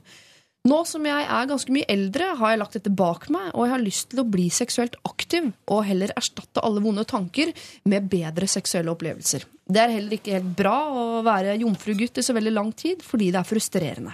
Så greia er, skal jeg kvitte meg med jomfrudommen og bli seksuelt aktiv, eh, men om jeg skulle hatt sex med en tilfeldig jente nå, er jeg redd for at jeg bare skulle tenke på den jenta jeg egentlig er glad i, at det føles feil. Om et par uker skal jeg med en kompisgjeng på en stor russefeiring i Oslo. Ja, det begynner allerede nå. Og åh, ja, det for meg er jo grusomt å tenke på. Eh, og jeg føler at jeg må bestemme meg for om jeg skal kaste meg ut i det og finne en jeg kan ha sex med, eller om jeg skal fortsette å vente. Noe som ikke kan være spesielt sunt, men som vil hindre meg i å få dårlig samvittighet og se på det som en feil. På eh, forhånd hjertelig takk for svar. Vennlig hilsen eh, meg. Altså Her er det mye. Han vil egentlig spare seg for en jente han er veldig glad i. Han har ventet lenge. Ja, men han, hvert fall liksom, Jeg tror han sitter med følelsen at han vil spare seg til den rette, men samtidig er han seksuelt frustrert, og han har noen vonde seksuelle tanker han vil bytte ut med noen gode osv. Så, videre. så han står litt på dørstokken her nå. Skal jeg bare kaste meg ut i det med en tilfeldig jente, eller skal jeg fortsette å spare meg til, eh, til jeg vet at det blir noe vakkert? Jeg hadde jo umiddelbart lyst til å si sånn Stikk til Amerika, da vel. Og finne igjen hun dama og Ligge med henne og dra igjen? Ligg med henne og si sånn Vi skal Jeg tror det er mer mellom oss. La oss Selvfølgelig, det Hadde det vært en film, så hadde han gjort det. I, i, i en film Ja. Eller en episode av Dawson's Creek. Ja. Sånn, Stukket rett til Amerika og bare møtte igjen hun jenta og sagt sånn Det er oss, jeg klarer ikke å slutte å tenke på deg. Og så hadde hun sagt sånn Jeg klarer ikke å slutte på det, tenke på deg heller. Og så hadde de hatt masse bra sex rett etterpå. Og så hadde det vært slutten på filmen. Men øh, det er vel kanskje ikke Det er, det er ikke hjelp, da. Jeg hjelper jo ikke vedkommende. det er jo en potensiell mulighet. Ja, ja, altså Kan jo ta de 35 000 han tenkte å spytte inn i russebussen, og heller eh, dra, eh, sette seg på et fly. Godt poeng. Ja. Men, men øh, øh, kanskje kan, kan man gjøre mellomting? At du ikke nødvendigvis sparer deg og venter og venter på den rette og blir mer og mer seksuelt frustrert, men at du kanskje Men at du ikke på en måte ligger med det første du finner, heller. At du liksom At du finner deg noen å ligge med som du kunne synes det var oppriktig hyggelig å ligge med. Ja. Spørsmålet er om han er i stand til å vurdere det i rustida, da. Alle går i røde klær og er på en snurr. Ja. Hva er riktig, hva er galt? Jeg syns ikke, ikke at første gang du har sex skal være på de russetreffet om tre uker til. Det må jeg bare si. Eh, men det er jo veldig vanskelig, og det er jo, som du sier, det er jo, det er jo et vakkert, vakkert eh, filmmanus på mange måter. Eh, dra til USA, stikk innom Hollywood på veien til hun dama, selge inn manuset ditt, og så kan vi jo finne ut av hva som skjer. Ja. Eh, det er jo utrolig fint, syns jeg, for det første, å høre om en gutt som har et så bevisst forhold til hvordan han vil forvalte sin egen jomfrudom. Ja. Eh, og tenker så mye på åssen han skal gjøre det på riktig måte for seg sjøl og for andre. Eh, og jeg kan bare tenke meg at det er ganske slitsomt å bli pesa av kompisene sine så mye. Ja. For eh, de at han ikke har hatt sex. Eh, men det virker jo Jeg tror ikke han er typen som kunne bare ha ligget med noen og ikke syntes at det var litt døvt og angra seg i etterkant. I og med at han har tenkt så mye på det og spart seg så lenge, så er det litt sånn Er det så lenge? 18 år? det, det, skulle, altså, jeg til å si, da. At, er 18 ganske tidlig, egentlig? Ja. For mange. Altså, jeg synes ikke at han For det første så er det ikke noe stress å være jomfru som 18-åring. Det var jeg sjøl også. Ja. Og jeg syns ikke det var noe sånn veldig fælt. på en måte Nei. Jeg syns egentlig det er en kan, kan være en sunn ting, det. Å vente litt. Rann. Ja. Istedenfor å fucke deg opp helt fra du er 16 år og bare ligge med alt som kan ha puls. Ja. Så, så, så det syns jeg at for det første at han bør slutte å stresse med det faktum at han er jomfru. Ja. Som 18-åring. Det er jo, altså som, Han er jo en attraktiv gutt også, sier han. Ja. Ja, altså, jeg syns ikke det bør være noe jag at man er jomfru som 18-åring. Nei, og Det virker egentlig ikke som stresset ligger hos han, men det ligger hos kompisene rundt. Og Hvordan hadde det vært i deres kompisgjenger, eh, Ronny og Stian, om dere hadde sagt sånn Ja, back off. Jeg er jomfru, men jeg har valgt det selv. Slutt å plage meg. Jeg tror, jeg tror det Eller altså, nå eh, har jo jeg eh, hengt eh, i min oppvekst med veldig sånn bra folk, så det hadde fungert helt fint i min kompisgjeng Ja. å si det. Eh, og da hadde folk backa off. Det er ganske Det er jeg 100% sikker på. Men det spørs jo litt hva hvordan den eh, russebussgjengen hans er, da. Ja. Men, men jeg syns at det kan være Det er helt innafor å si. Å si sånn back off, det her eh, velger jeg sjøl. Slutt å prate om det. Det er helt innafor å si. Mm, Og vi også- vet jo ikke altså Jeg mistenker at eh, selv om han i mailen her er åpen om at han har blitt utsatt for et overgrep tidligere i livet, så er det ikke sikkert at kompisgjengen hans veit om det. For da, jeg tipper at de ikke hadde pesa han så innmari. Hvis de var klar over det At De å føle seg ganske dumme hvis de blir gjort oppmerksomme på det. Så Det har han en mulighet til å gjøre hvis han Ja, vil være åpen om det. Da. Men og så tenker jeg videre her at uh, ja, jeg tror fordi han er så reflektert, da, og prate om sånn skal, Hvor jeg vil vente på den rette, og, men, men jeg vil samtidig bytte ut eh, dårlige seksuelle minner med bra, så tenker jeg sånn at da kan hende du eh, bare skal Jeg tror kanskje det eneste jeg liksom ville tenkt, var neste gang du møter ei dame du syns er både kul, attraktiv og hyggelig og bra, så kanskje du skal tenke ja, men da kjører vi på her, da. Ja. Bare sånn, fordi Kanskje det er bare liksom det eneste tipset man trenger å gi. At neste gang du føler at det kanskje har vært hyggelig, så kanskje du bare skal oppgi i det. Men hvor viktig er hun dama i USA for han? Det lurer Hun jeg tenker jeg vi må la bare være i USA. Ja. Ja. For hvis ikke så er han jo Han er 18, han er Ja. russ. Han kan stikke til USA på et utvekslingsår fra sommeren, da. I tilfelle. Hvis Ja. det liksom er det som han føler at han skal Ja. At det må testes ut. Ja. Um, men hvis ikke, så Jeg syns ikke vi skal overromantisere hun dama. Jeg skjønner kanskje dere er Ja, men veldig altså, man det har vært blir på masse reise med henne og så videre, da. Ja, det, er, ikke- det tenkte jeg også ja, altså, At det har skjedd noe. Ja. Det kan jo hende at han er såkalt friendzona her for, Ja. for lengst. Ja. At han rett og slett ikke har sjans på den dama som har reist til USA. Ja. Og, og tenker sånn, Hvis man er på mange reiser, og det skjer ingenting, så det kanskje er på tide da å stikke fingeren i litt i jorda Ja. og tenke at man, den dama her er ikke Hun er ikke keen på meg. Ja, ellers så er det et eh, klassisk Dawson's Creek. eh, altså De er eh, ment for hverandre, men de har kjent hverandre for godt og for lenge. Så det må noen andre elementer inn i spillet før man kan slå seg til ro der man hører hjemme til slutt. Men det, jeg, opp. Jeg tenker bare kanskje at det er litt det at han øh, At han er litt øh, redd. At han er litt ambivalent i forhold til det å faktisk ha sex. Ja. Sånn at det er tryggere å si at egentlig så venter jeg på dama som er i USA, før jeg gjør det. Fordi at det, hun kommer ikke til å komme tilbake med det første. Så det, Det er gjør det litt tryggere, Ja. liksom. Å utsette det. At, at han kanskje burde utfordre seg sjøl på et tidspunkt. Ja, Ja. Det var et veldig godt poeng, faktisk. Ja, ja. ja men det, det tror jeg jeg kan stille meg litt bak, altså. Og da, da heier jeg på at neste Altså, eh, ikke gjør et Ja, bare bygg, bygg på noen hyggelige minner der, tenker jeg. Få på noe, noe som er stas, som er kos, og som eh, du trives med i ettertid. Ja. Altså, jeg, jeg, jeg er litt delt her, for jeg mener at første gangen må ikke være må ikke være en film. Det må ikke være helt sånn uh, stearinlys og The One og i det hele tatt. Altså, for mange er det bare noe man må igjennom, og så er man i gang. på en eller annen måte Men Uten at jeg skal oppfordre det. Men det er sånn, eh, første gangen for meg er ikke noe som jeg Det var helt sånn streit på et uh, eh, vi hadde sett Michael Jackson thriller-videoen, drukket noe dårlig vodka, liksom, og så bare skjedde det. Det er, sånn, det er ikke en vakker historie, men det er ikke sånn eh, det er ikke noe man plages av i etterkant. Så jeg tror ikke første gang må være noe helt sånn spektakulært. Men akkurat med han her, så jeg vil at han skal vente til at det blir en god opplevelse. I og med at forrige gang han var eh, utsatt for dette overgrepet, da, så gjorde det at han forbinder eh, sex med noe usunt og noe skummelt. og det hele tatt. Så er det viktig at neste opplevelse på ingen måte kan oppleves som usunn eller skummelt. Akkurat her så tenker jeg Vent til det er litt vakkert, da. Ikke sånn buksa på knæra bak en furu på Tryvann. Altså, Med russekort, med russekort blafrende rundt i alle kanter. nei, mens gutta står rundt og heier. Ja, ja. Og, altså, Og Paradise Stian står og spiller på en scene. Ja, ja, rett borte der. Hører så så glad nissen er, og det, er meg. Uff a meg, det må du aldri finne på. Nei, men, nei, men Jeg er veldig enig med Ronny. At det går an å prøve å åpne øynene litt. Fordi det fins jo flere damer der ute enn hun Ja, som er i USA. Og, og, og vente til du finner noen som er både kul og bra, og som du tør å stole på. Ja. At ikke hun liksom uh, går rundt og prater masse om det etterpå, eller viser seg å være en kjip dame. Eh, og, og være litt kjent med henne, og kanskje prøve å ikke være sånn kjempefull når du gjør det. litt, ja. Litt full må litt man kan være. lønne seg. Han må ikke være litt full. Par flasker. Tre øl, tre øl, så er du i gang. så utrolig usunt råd. Ja, uff, a meg. Han er 18, altså. For å være grei. Ja, ja, det er sant. Men, men jeg tror ja eh, Jeg tror det eneste vi alle sammen er helt enige om her, er at du må ikke gjøre det under en eh, Paradise Stian-konsert på russetreff. Uff a meg.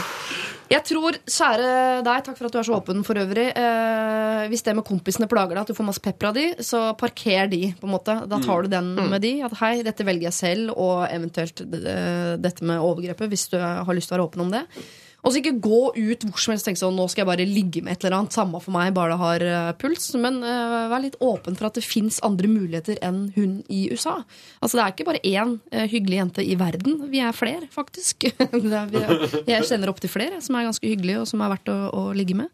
Uh, så hvis du treffer på en av de andre, da, så syns jeg du selvfølgelig skal benytte av sjansen. Men når du har venta så lenge, og du, jeg mener at du fortjener at neste gang blir noe vakkert og noe sunt, så syns jeg du skal vente til eh, du møter en annen jente som også føles riktig. Selv om ikke det er eh, denne drømmekvinnen, den utopiske jenta, som dessverre har flyttet til eh, USA. Eller Lykke. Eller stikk til USA. Eller stikk til USA. Ja. P3. Katy Perry der og hennes Dark Horse. Herregud, for en hitmaskin hun Katy Perry er. Oh, ja. Så irriterende hun ser så jævla vanlig ut. Det hadde vært så mye kulere hvis hun Sorry, altså, men jeg, bare, jeg syns det har vært kulere hvis hun så rar ut. Er det lov å si det? må vi, ha- jeg synes det er Kanskje Lady Gaga får være rar, da, så kan alle andre bare være bra? Hun trenger ikke å være kjøttkjolerar, men hun kunne bare vært litt sånn Du Og syns sammen ikke med John Mayer.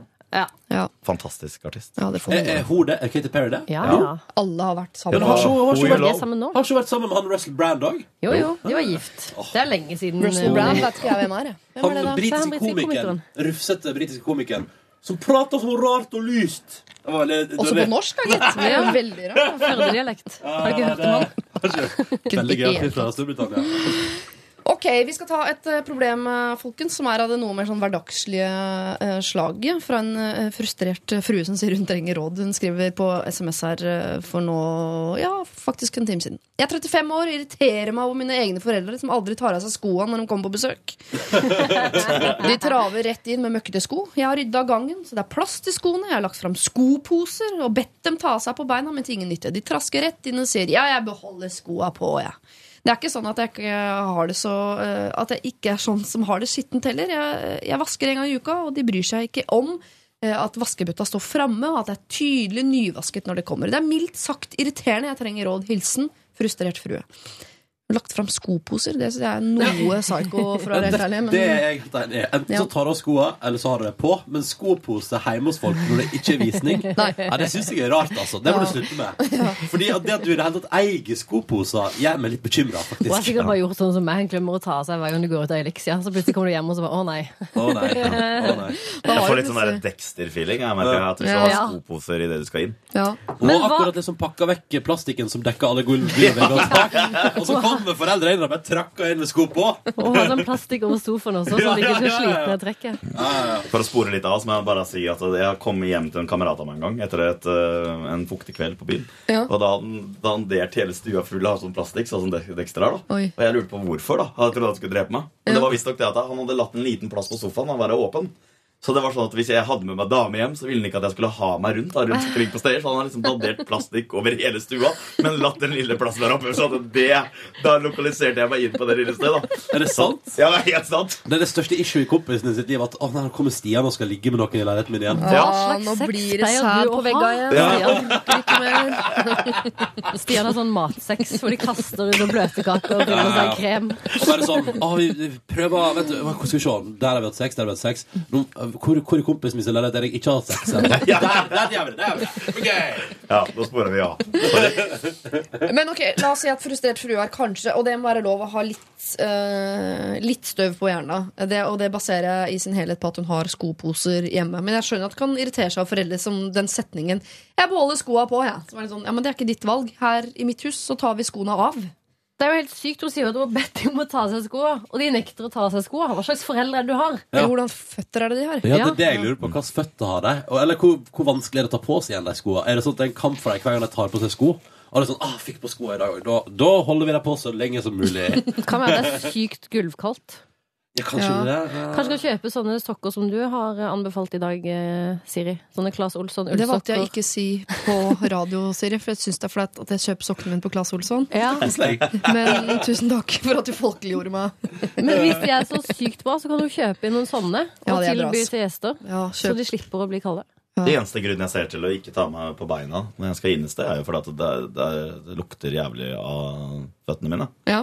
Det er det eneste grunnen til at jeg ikke har tatt meg på beina ved visse anledninger. da. Ja. Hvis du vet at nå har jeg veldig fotsvette, Ja. og du skal inn til en, for eksempel en eventuell date, eller et eller annet sånt, så er det greit liksom Ja, men går du på, Da går du på date inni leiligheten til daten med skoa på?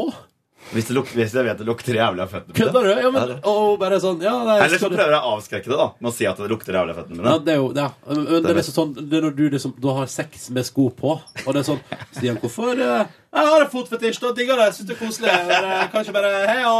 Men ikke dra det inn i denne 35 år gamle kvinnens eh, forhold til foreldrene sine. nei, nei, nei, nei. For de skal ikke det. Nei, altså det kan jo være at de trenger eh, litt fotpleie. Eh, noe fotkrem, noe sånn stæsj som de kan få i gave. I tilfelle hvis det lukter så ille at de ikke kan ta av seg skoene. Ja. Eller så har de jo et eller annet problem med å akseptere at hun er blitt voksen, hun har sin egen leilighet, og hun bestemmer. Det er akkurat som hun liksom Nei, du er fortsatt eh, kid. Vi kan gjøre akkurat som vi vil. Det er, det er vi som er de voksne. Ja, for det, det er jo tydeligvis Hvis hun ber deg ta av skoene og de ikke gjør det, så er det jo akkurat det de tenker. Og så, Mhm. og så blir det, lurer jeg på Kan det være litt sånn For jeg har inntrykk av at veldig ofte hvis folk beholder skoene på, så er det et tegn på sånn Jeg blir ikke så lenge. Nå skal jeg bare kjapt inn og ut igjen herifra. ja, men behold jakka, da. Ja, ja. Ja. Jeg tror de bare er overkant folkelige, som er litt sånn Nei, vi føler oss hjemme. Jeg, beholder, jeg bare lager mine egne regler. Jeg beholder skoa på. Sånn er det. Jeg tar meg en brødskive. Slipp å snøre den etterpå, blir digg. Jeg tror de mener det nesten som et kompliment. Da. At det er litt sånn, De syns det er så koselig å komme på besøk at de bare øh, oppfører seg som om de bor der. De, Jeg tror ikke det. tror du ikke? Nei, jeg tror det. Jeg tror at skoa på er enten fordi det er nesten, nei, jeg, tror ikke, jeg tror heller ikke det er en statement for å si sånn Du er fortsatt dattera vår, vi bestemmer. Men jeg tror kanskje det er sånn der, Nei, vi bare gjør det. Vi skal bare uansett inn der og hjelpe til med noen møbler, og så stikker vi igjen. Ja. Um, men jeg syns at uh, det eneste riktige å gjøre er jo bare å si ekstremt klart ifra. Mamma, ta deg på beina!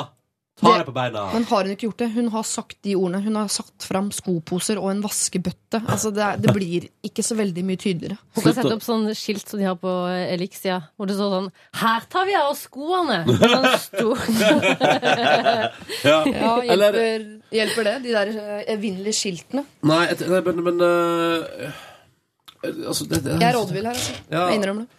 Men jeg syns det, det, er- det er rart. uh. Ja, det er kjemperart. Men, men slutt å vaske rett før foreldrene dine kommer, iallfall. Vask, det Vask etterpå. Ja, vask når de har vært der. Så kan Ja. du bare gi faen i de skoene som er på. Er ikke det, er ikke det det beste tipset, egentlig? Vil du ha aksept for det beste? Vil du ha en pris? Begynn å legge vasking til etter foreldrebesøk, og de kjenner det såpass godt at det trenger ikke være så ryddig når de er der uansett. Ja, enig. Men mindre de er sånne som kommer på overraskelsesbesøk. Da. Hvis du er sånn som rydder hele tida, så vil jo det der eh, timingen i det eh, innimellom ikke klaffe. Ja, men nå vasker jeg bare én gang i uka. Ja, det er sant, det. Det er ikke så støv på hjernen, altså. Eh, jeg syns også hvis du, eh, hvis du har et sånn forhold til foreldrene dine at du kan snakke med dem, så tar du en prat om det, selv om det virker som du har gjort det allerede. Eller så må du slutte å rydde og vaske før de kommer. For de bryr seg jo helt tydelig ikke om det. Ellers er dette en hevn. For at du har gjort mye griseri i huset deres. Tok aldri av deg lua beina på bordet og spiste buser og var eh, ordentlig fyselig unge. Men det kan jo også være fordi at det er ganske mange voksne som sliter med å, å få på seg skoene. Hvis de begynner å bli ordentlig gamle, så er det vanskelig å få på seg skoene. Så det kan jo være at de er redde for at hun skal se at de er blitt så gamle at de sliter med å få på seg skoene. Så derfor så unngår de problemet ved å liksom bare la de være på. Hun må kjøpe noen ordentlige skohorn. Det ble Ja. faren min kjempeglad for da jeg kjøpte. Eh, Det er et generelt tips, syns jeg, og godt råd til alle. Jeg eh, sa til en del av mine venninner før jul i år at alle får skohorn til jul. For jeg blir så forbanna når jeg er hjemme hos folk som ikke har skohorn. Det mener jeg er en del av uh, Idet du flytter inn en eh, leilighet, så kjøper du dobørste, og du kjøper skohorn, og sånn er det. Altså, det mener jeg det er eh, Og tacosaus. Er det mange som, har, er det, er det mange som føler det på samme måten? Det vet jeg ikke. Jeg har aldri kjøpt sko. Du må ha skohorn. Ok, greit. Ja, du er nødt til å i hvert fall uh... Så Stian er rett på Claes Olsson etterpå. Skohorn og sånne sokker som du anbefaler, ja, ja, Sånne sokker og skohorn må alle kjøpe. Vi tar oss en tur. Du, 35 år frustrert frue, kjøp skohorn, uh, og så slutter du å vaske før eh, foreldrene dine kommer på besøk. P3 Liker du ikke den låta der, så er det noe gærent med deg. Eh, Bastille var det. Off the Night eh, har vi hørt det, men sorry, det er ikke lov å ikke like den låta. Eh, før det hørte vi Donkey Boy sammen med Linnea Dale og deres da eh, Sometimes. Jeg skal lære dere et nytt eh, ord, eh, kjære rådgivere. Eh, Ronny fra P3 Morgen. Hallo! Siri Knutsen, snart fra P13. Hva skal programmet ditt hete igjen? Siri og co. Siri og co. var det, og eh, Stian fra eh, Paradise Hotel og Robinson. Gerontofil er et ord. Det er da det motsatte av eh, pedofil. Altså man har seksuelle og følelsesmessige orienteringer oppover, virkelig oppover i alder. Eh, Det er en jente på 19 som kaller seg selv for dette. Altså. Jeg er en jente på 19 år som har opplevd en slags kulturkrasj etter å ha flyttet fra bygda til storbyen. Jeg gikk ut av et to år langt bygdeforhold i høst, og wait for it, han er 34. Nå dukker det kanskje opp masse fordommer hos Lørdagsrådet. Ordet pedo lusker kanskje i bakhodet, eh, men han var absolutt ikke det. Altså, han var fantastisk. Problemet sitter heller hos meg, som kun er interessert i en del eldre menn. Både seksuelt og romantisk. Problemet er derfor at ettersom jeg nå flytter til byen, eh, er, hvor aksepten for dette er lik null i forhold til på bygda, der en aldersforskjell på både 10 og 20 år ikke er noe folk hever øyenbrynene sine for. Jeg sliter derfor med å møte noen her i byen, da jeg ikke vet hvor og hvordan jeg kan gå fram for å møte menn opp mot eh, 30-årene i et bymiljø, uten å havne i en gammel grisfelle. Tips til hvor jeg skal lete? Jeg er klar for et nytt mannfolk i livet mitt, men jeg vet ikke engang om det fins normale bykarer i den aldersgruppa som ville vurdert en 19-åring. Eller må jeg bare skjerpe meg og akseptere at problemet ligger i min forskrudde hjerne? Hilsen gerontofil bygdejente. Jeg trodde det skulle være mye verre. Ja, ja. Jeg trodde hun skulle opp i 60-åra. jeg. Ja, du tenkte kong, eh, altså på kongen. Ja, jeg tenkte sånn Å, Harald eh, gir meg eh, gledelige li- følelser i kroppen. Ja. Eh, nei, men er dette så galt, da? Nei. Jeg, synes, jeg forstår ikke Hvis man er pervers og gris hvis man ligger med 19-åringer, så er jeg en pervers og gris mann. Ja. Ja. Jeg er 32, og det har jeg gjort mange ganger. Før jeg fikk meg kjæreste, da. Ja, ja, ja. Bare for å gjøre det klart. Men altså, jeg føler jo ikke det at det er et veldig stort problem. Nei, 32 og 19 Det er ikke sånn kjempeproblem. Tror jeg jo alltid at om, om ti år så er det i alle fall ikke rart. Når hun er i 20, slutten av 20-åra og han er midt i 30-åra, liksom. Ja. Da er ikke det Er det Nei. eh, Og det er jo mange steder du finner eh, menn, er det ikke det? I Oslo. Ja, men hvor da, dere som er mye på byen, eh, hvor er det man finner disse mennene på, uh, i 30-åra? I et bymiljø? Single som liker jenter på 19. Hvor er det, menn? Overalt. Hun lurer på hvor, hvor er Ja, gutter oppimot 30-åra ute i byen. Og så tenker jeg litt sånn Hvor er ja, hvor gutter som er 30 år, som liker 19 års gamle jenter der. De Ja. er jo overalt. De, Ja, stort sett overalt. Ja, stort sett overalt. Eh, For oss jenter på 30 så vil jeg si at det er for mange av dem. Altså, det Ja. hadde vært fint om noen av dem kunne snudd seg rundt og likt folk på sin egen alder. men, men jeg tenker sånn Jeg tror kanskje Jeg blir litt nysgjerrig på hvor, hvor du går, jente 19, der aksepten er null. Det, jeg tror kanskje du må Fader, du er 19, vet du. Kommer ikke inn på 20-årsplasser. Nei, det er det som er problemet. Selvfølgelig. Men om et år så kan du fråtse i der. Du kan fråtse altså så hardt i menn i 30-åra som masse du vil. Og hvis du vil lenger opp, selvfølgelig. Null stress. Jeg har masse kompiser som er single, som er glad i 20 år gamle jenter. Så det er bare til å ta, ta kontakt Ta kontakt på innboks. med kan. Ja, ja. Dra til Fredrikstad en tur. Men er ikke, men er ikke regelen eh, halvparten av alderen sin pluss sju? Altså Hvis du tenker at en mann på 32, da, Mm. eh, delt på to, det er 16, pluss 7 er 23. Ja. Det er jo mer enn innafor. I forhold til hva som er Nei, liksom det, er- det er vel akkurat det det ikke er. Det er da hun er utafor. For hun burde vært 23. Hun da. Ah, selvfølgelig. Ja. Så det blir, men, Ja, det men, er ikke 23 og nedover. Nei. men, men, eh, Kjæresten min er 23, så jeg har. Søren heller. akkurat, akkurat innafor. Ah. Ja. Men, men, eh, men, men, men, men da er det jo ikke så Altså, det betyr jo at eh, altså, du blir jo eldre for hvert år som går, og plutselig er du vel innafor. Men tror du ikke at, hun kommer, at eh, hennes eh, preferanser på menn også kommer til å stige i alder ettersom hun også blir eldre? Eller kanskje ikke. Eller har hun en indre 32-åring i seg som bare leter etter likesinnede? Ja, Det kan jo være at hun føler seg at hun er litt sånn en gammel sjel i en ung kropp. Ja. Eh, og, men hva er det da med disse mennene som hun tiltrekkes av? Trygghet. Trygghet, kanskje litt mer stabil, eh, Ja. bedre økonomi. Eh, Smartere. Ja, Levd litt. kan man si det? Ja, Men er det ikke si. det alle jenter tiltrekkes av? Jo. Jeg, altså, jeg, jeg vil ikke sette meg i noen gruppe kalt gerontofilgruppa. gerontofil-gruppa, men jeg også eh, faller alltid for menn som er eldre enn meg. Alltid. Men, men jeg, jeg tenker, er ikke det enten eld, litt eldre, veldig stabile menn, eller et skikkelig trainwreck wreck man faller for? Eh? Som man kan reparere? Hæ? Ja, det, er, det er noe mykt inni der. Jeg skal finne det. Men jeg lurer på om hun da er klar for å liksom etablere seg. Er det det det betyr? At hun er ute etter en sånn moden mann som er på et eh, sted i livet hvor han eh, tenker på å slå seg til ro? Eh, er, det, er det fordi Ja, hun men hun sjøl liker de bare seksuelt også, så kan være at Ja. eh, ja. Men Hun liker hår i ørene og sånn. Ja. Det er det, rett og slett. Mm. Ja. Men ja. For det første så vil jeg ikke uh, gå rundt og si at man er genotrofil fordi man liker uh, 32 års gamle menn. Nei. Så det kan du slutte med. For da hadde jeg fått litt sånn, blitt litt Ja, for da må på 50- og 60-åra og sånn, da er det lov til å begynne å bruke begreper. Ja, og det var det jeg trodde fantes. det her dreide seg om. At, det var en, at hun likte mm, oldefar. Ja. Ja, Men, jeg, tror, jeg tror på ingen måte at dette her er et uh, problem. Men det som er problemet, hvis du sier til 32 år gamle menn Du er jente på 19 at 'jeg liker så godt eh, Jeg er jeg, jeg, er gerontofil'. Gerontofil. Gerontofil. Mm. Jeg, liker, jeg liker menn som er skikkelig gamle. Hvis det er en 32 år gammel mann, så tenker han sånn Wow, men det er ikke jeg! Jeg er skikkelig gammel! uh, og det er kanskje der problemet oppstår. Ja. Men det er jo litt interessant at hun sier at det er så stor aksept for dette på bygda. Og at hun skjønner ikke helt hvordan hun skal få aksept for dette i byen. For vanligvis er det jo sånn at man tenker at det kanskje er litt motsatt. At på bygda så er man litt eh, trangsynte og, og sånn, og i byen så er det mye større mangfold og mye større toleranse for folk som velger å leve ulikt. Mm. Eh, nå aner jo ikke jeg hvilken by det er snakk om. Nei. Eh, men det kan jo være at du bare har hatt litt uflaks så langt. Mm. Eh, Det tror jeg. Ja. Og det, men Grunnen til at det er sånn på bygda, er jo at uh, utvalget er så lite at man er nødt til å utvide horisontene for hvor man er villig til å gå i alder for Mm. å, å finne folk man liker. Hvis ikke så er det de samme fire guttene som sirkulerer. Ikke sant? Ja. Men hun hører jo også på, hun hører på oss at det er jo ingen av oss som stusser sånn sykt mye på at hun er 19 og vil ha noen som er rundt 30. Nei, Nei ikke det det er helt greit. jeg. Men, eh, men jeg tror kanskje hvis du opplever lunken aksept, så må du uh, refreshe utestedfloraen din. Du må begynne å gå andre plasser. Da må du ro. Kanskje ikke Kanskje gå liksom uh, Det verste eksempelet jeg kom på, det er sånn downtown i Trondheim. Der øla koster 30, og alle sier sånn Det er verdens største kjøttmarked.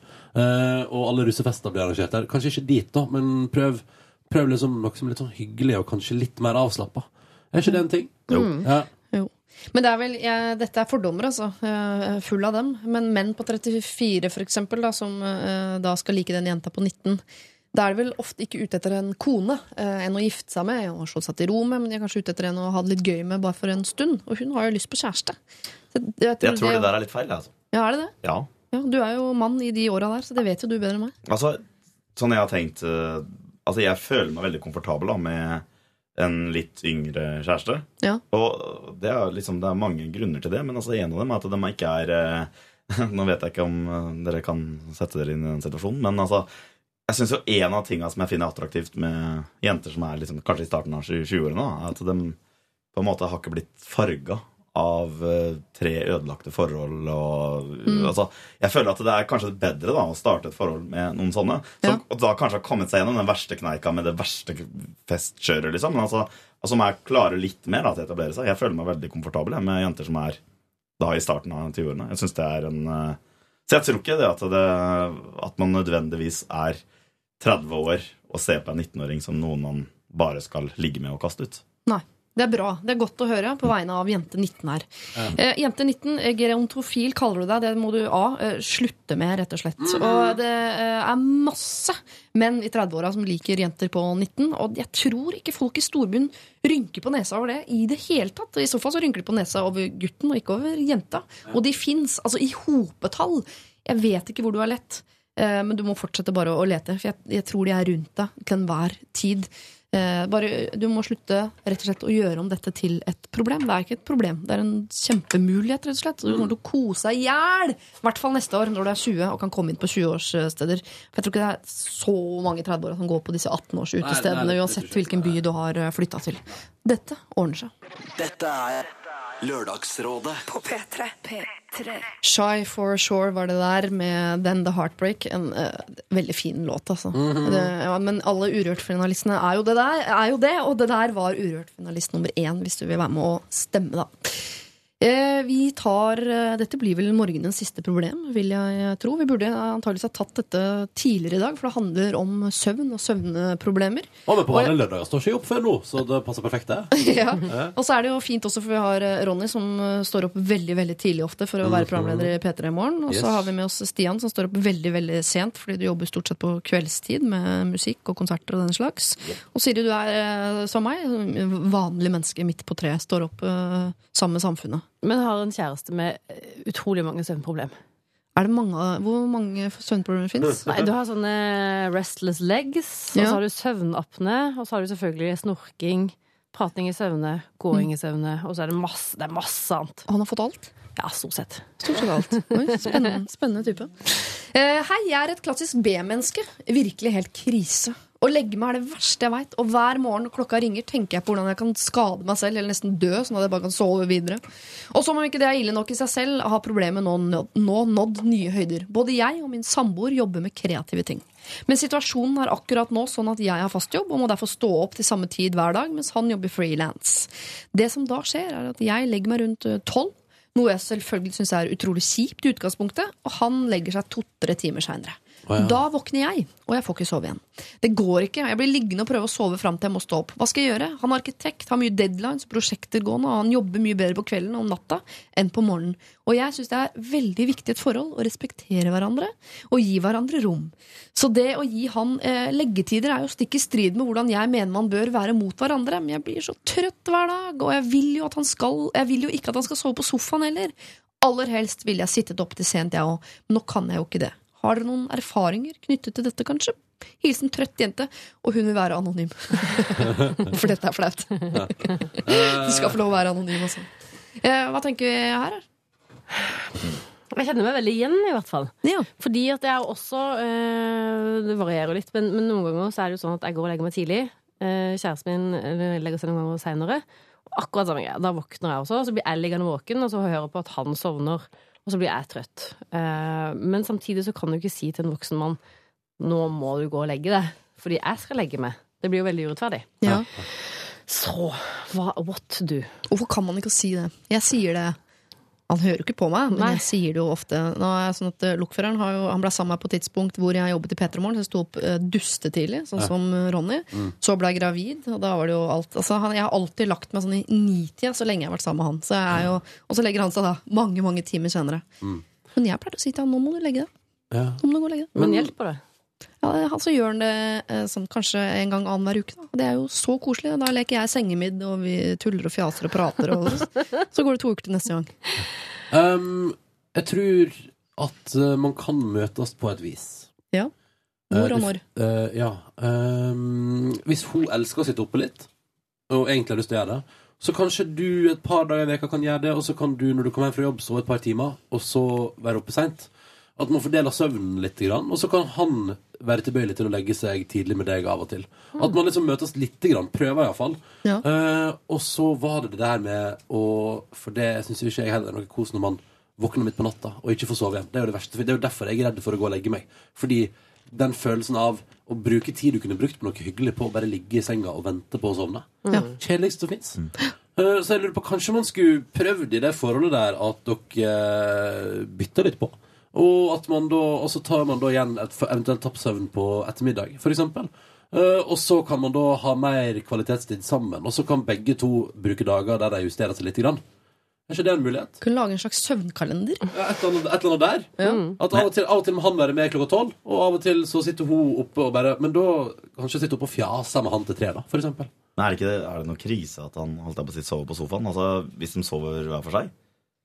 Er, eller er det sånn veldig sånn Jeg leste en sånn artikkel at det skulle man ikke gjøre, det var fy-fy, og det er tegn på at det er slutten på alt som er av forhold, osv. Ja. Men hvis altså, han er i en Begge to er i en kreativ bransje. Han jobber veldig mye bedre på kvelden.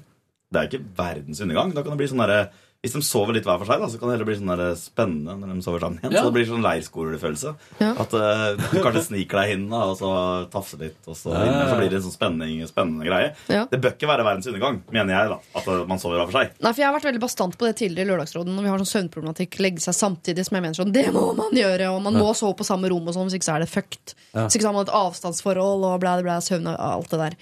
Men så er det alltid masse mail sånn Nei, vi sover på hvert vårt rom, eller han sover på sofaen, vi legger oss aldri samtidig. Og det er kjempefint. Vi gjør nettopp det. Har sånne dater nærmest på kvelden hvor han kommer inn, og da vet jeg at uh, da blir det stemning!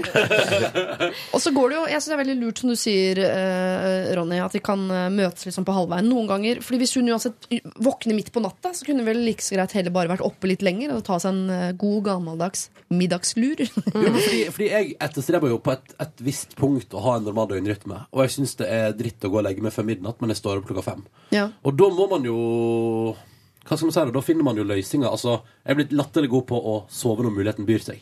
Ja. At jeg, ja, men da, for eksempel Torsdag kveld hadde jeg ingen planer. Da sov jeg på sofaen fra halv fem til halv tolv på kvelden. Ja. Og så var jeg skikkelig uthvilt i går. Fantastisk. Og, og, Men da sto du opp halv tolv, da? Så var du våken nei, nei, nei, nei, nei, da sto jeg opp halv tolv og gikk og la meg i den andre senga. Eh, Og så videre. ja, ja, ja, så jeg Andre senga? eller, eller altså, ikke sofa, ikke sofaen, men den egentlige senga. og så tar jeg igjen i helgene. Veldig masse. Altså, for eksempel, for det tenker dette paret her kan jo få helt fantastisk deilig søvn sammen natt til lørdag og natt til søndag. Tenk deg det, da. Mm. Kan jeg være oppe så seint jeg vil, og så kan jeg sove langt utpå dagen, og så kan jeg våkne. Og så trenger ingen å ha angst for Ingen må rekke noe, så hvis jeg vil dyppe av litt igjen, så er det lov, ikke sant? Man kan gjøre så mye fint ut av det hvis man, hvis man møtes litt. Aldri prøv å snu døgnet, for det har jeg gjort før. Og det, det, jeg snudde døgnet så ille, for at jeg bodde sammen med to stykker som studerte. Jeg gikk på allmennfaglig, så jeg måtte opp tidlig. Og de andre kunne vi egentlig bare gi faen. Og det jeg gjorde da, var løsninga mi var å være oppe hele natta med dem. Gå på skolen, og så legge meg når jeg kom hjem. Så jeg brant brua til sola, som jeg kalte det. For jeg så aldri sola. Eh, Men det gjør noe med hodet ditt. Du blir litt sånn psykotisk, så det er også veldig dumt. Ja. Så ikke gjør det. Ja, det står jo, altså De dagene det ikke står om slanking på forsida uh, i avisen, så står det jo om søvn og hvor viktig søvn er. Men jeg tenker at det er ikke så viktig å sove sammen. Det merker du ikke. hvem du sover sammen med. Altså, for alt jeg vet, så har det ligget en uh, fremmed dame i senga vår de siste to årene. Jeg aner ikke, for jeg har jo sovet. Hvem vet. Det som er, er at uh, man må innimellom få lov til å sovne sammen. For jeg mener at noe av den fineste kommunikasjonen man har med kjæresten sin, har man i senga. Ikke tenk koffert. Eh, Men det er fordi når man ligger ved siden av hverandre i et mørkt rom, så begynner man å prate i større grad enn man gjør foran TV-en eller på, ved middagsbordet. Da begynner man å snakke om ting For da er det så trygt, og da kan man snakke om de ting man ikke har turt å ta opp før. Og, og, så, ja, og så blir det ofte sex ut av det, da, skal sies. Det er ikke så ofte sånn eh, under Kveldsnytt at man tenker sånn wow, let's get it on. Eh, så jeg tenker at det, er en del ting som forsvinner i det man slutter å ligge i senga på, på samme tidspunkt. Så jeg syns man skal etterstrebe seg det til en viss grad. Men så kan jo han, han kan jo legge seg når hun legger seg, så stå opp igjen. Ja, han kan jo det. Og det som er bra for det paret her, er jo at hun i utgangspunktet har jo lyst til å være oppe sammen med han. Ja. Det er jo ikke sånn at hun har lyst til å gå og legge seg. Hun bare føler at hun må. Så jeg synes egentlig hvis hun får til det der med litt sånn turnussoving, at hun sover litt på dagen og litt på kvelden Hvis hun får til det, så er jo det helt Men da jo han òg møtes et par dager i veka, tenker jeg. At han også da, ja, men da får han jobbe til tolv, og så går de og legger seg sammen. Altså på en måte At man, at man liksom bare finner måter å gjøre det hyggelig å sove sammen på. Ja. For tvang er ikke framtida. Men hvis man kan liksom møtes litt, så er det bare koselig. En av de beste vennene mine Han har jo, jobber ikke i det hele tatt. Han har en kjæreste som jobber. Og de har en sånn koselig greie. Han legger henne. Og så setter på en film for henne og, og sånne ting. Og Har han liksom- lyst på unger, egentlig? Han, Eh, eller? Nei, jeg vet ikke hva som er greia. Dytte og dyre. Ja, altså, men, skal vi gå på badet og pusse tenna? ja, det er litt sånn faktisk. Men det er sånn at de, de gjør det til en sånn koselig greie, da. Så hver gang jeg er der, så nei, nå må jeg legge kjerringa. Ja, og så går han opp, og så setter han på en film og koser litt med henne til hun sovner, og så kommer han igjen. Det er det rareste jeg har hørt. Men funker det for deg, så funker det for deg, da. Synes det er sånn litt Jeg, jeg synes akkurat den tingen synes jeg er dritsøt. Alle er der ute. Det er sånn der, ja, nå må jeg legge kjæresten min, og så styrer han litt med å dulle med henne til hun sovner. Ja. Så kommer han opp til meg. Ja, men er talkum på rumpa og Hvilken nattasang vil du ha i dag? Jeg har faktisk ikke sett på det sånn, men når dere sier det, så ja, nei, nå fikk jeg et helt annet inntrykk. På.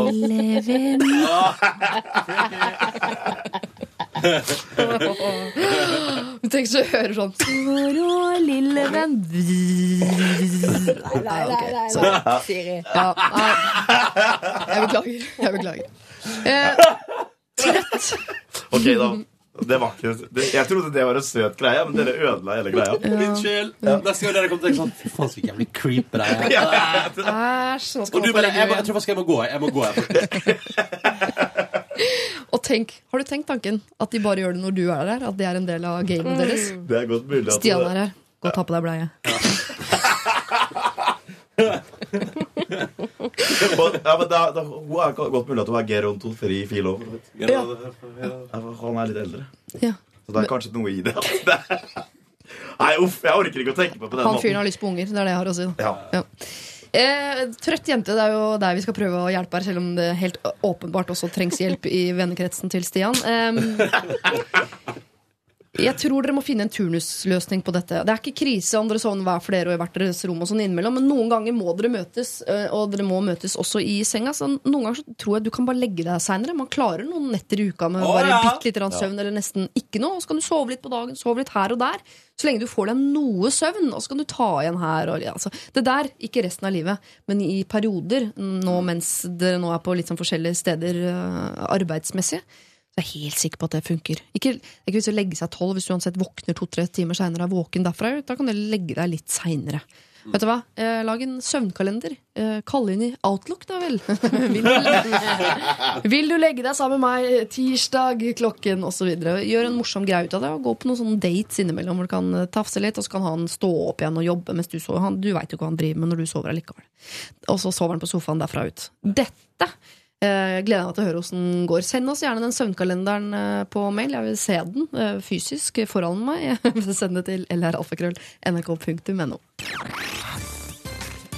La meg leve ut den fantasien. Lord var det der, og deres Royals. Og vi i Lørdagsrådet skal dele ut en T-skjorte. Jeg skal lese opp kandidatene. Før du kom, Stian, så hadde vi noe vi likte å kalle en forsvarsflørt. Det vil si at det er en jente som falt for en gutt i Forsvaret. Og de har flørta litt sånn her og der i årevis, og nå, først nå skal de kanskje bo i samme by. Og hun har en avklaring på uh, hvor de er. Uh, blir det dem? Så videre. Eh, vi hadde en jente som har hatt en sånn tung tid i livet sitt, og hun har ikke noe tillegg til fagfolk, og lurer på da hvordan hun skal klare å søke hjelp.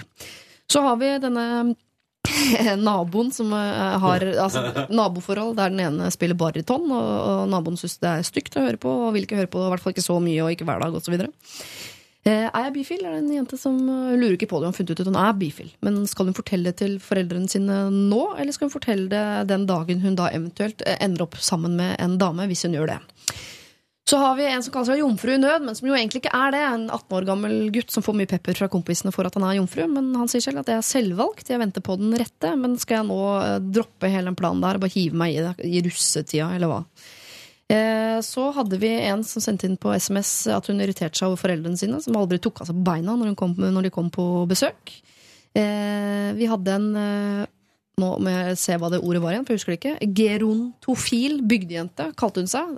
Det mener vi hun ikke er, da. Altså, hun likte gutter som var en ti kanskje 20 år eldre enn seg selv. Trodde det var et problem nå som har flytta til storbyen. Det er det ikke. Eh, og til slutt søvnproblemer. Et par eh, bestående egentlig av to B-mennesker, men hun ene måtte leve som A-menneske. Det syns hun er litt kjipt. Hun hadde lyst til å være B-menneske, hun også, og sammen med kjæresten sin. Hvem fortjener T-skjorta? Jeg eh, har umiddelbart lyst til å dele T-skjorte til denne 18 år gamle gutten som lurer på skal han bare hoppe i det, eller skal han vente på nettet? Ja, også. Ja. Ja, jeg synes det var litt sånn koselig. Hva tenker du, Siri? Jeg tenkte helt klart eh, de som må leve med baryton. eh, oh, ja. De syns du mest synd på. Men det er kanskje kan ha noe med å gjøre at jeg relaterer meg veldig til deres problem. Hei, du som spiller fiolin? Siri kommer her om en times tid og håper at det er stille. Ja. Men du, eh, jeg er jo enig, men hva med hun som ikke har tillit til fagfolk? Jeg Ja. syns jo at for vi har hatt eh, flere liksom tunge eh, problemer i dag, altså. Men Ja. eh, ja. Jeg Det er et bare, stykke tøy. Ja, ja da. Jo da. Men, men jeg tenkte det var en sånn en, en T-skjorte hadde vært en hyggelig bare sånn eh, Hei, hei. hilsen, og ikke gi opp og prøve ut dette. Eh, men eh, hvis begge dere to går for eh, For dere må bli enige for første gang i dag. Dere relaterer altså til han eh, gutten mer, tenker jeg. syns, det bare, jeg syns han, jeg syns han la fram problemet sitt så fint og Ja. reflektert. Og så bare syns jeg at det er sånn Ja, han kan Og han er bare én, så da tenker jeg bare gi, sleng av gårde T-skjorte. Det er koselig. Så kan han ha på seg den rustige. Så er den rød. Eh, Ja, er, kommer den rødt, eller? Du har jo så innmari oversikt over eh, rekvisittabeholdningen inne på laget ditt. Helt sikkert i rødt, ja. ja. Ja, er du Jo, jeg kan absolutt være tilbøyelig, altså. Ja. Det, det er helt fint, det. Han, var jo, han virka som en veldig fin fyr. Ja. Og i tillegg, når du er 18, så er det kanskje kult å få en, en P3-T-skjorte. Absolutt, det vil Ja. jeg tro. Ja. Ja. Kjære gutt, eh, 18, jomfru i nød. En uh, P3-T-skjorte er på vei til deg i løpet av eh, kort tid.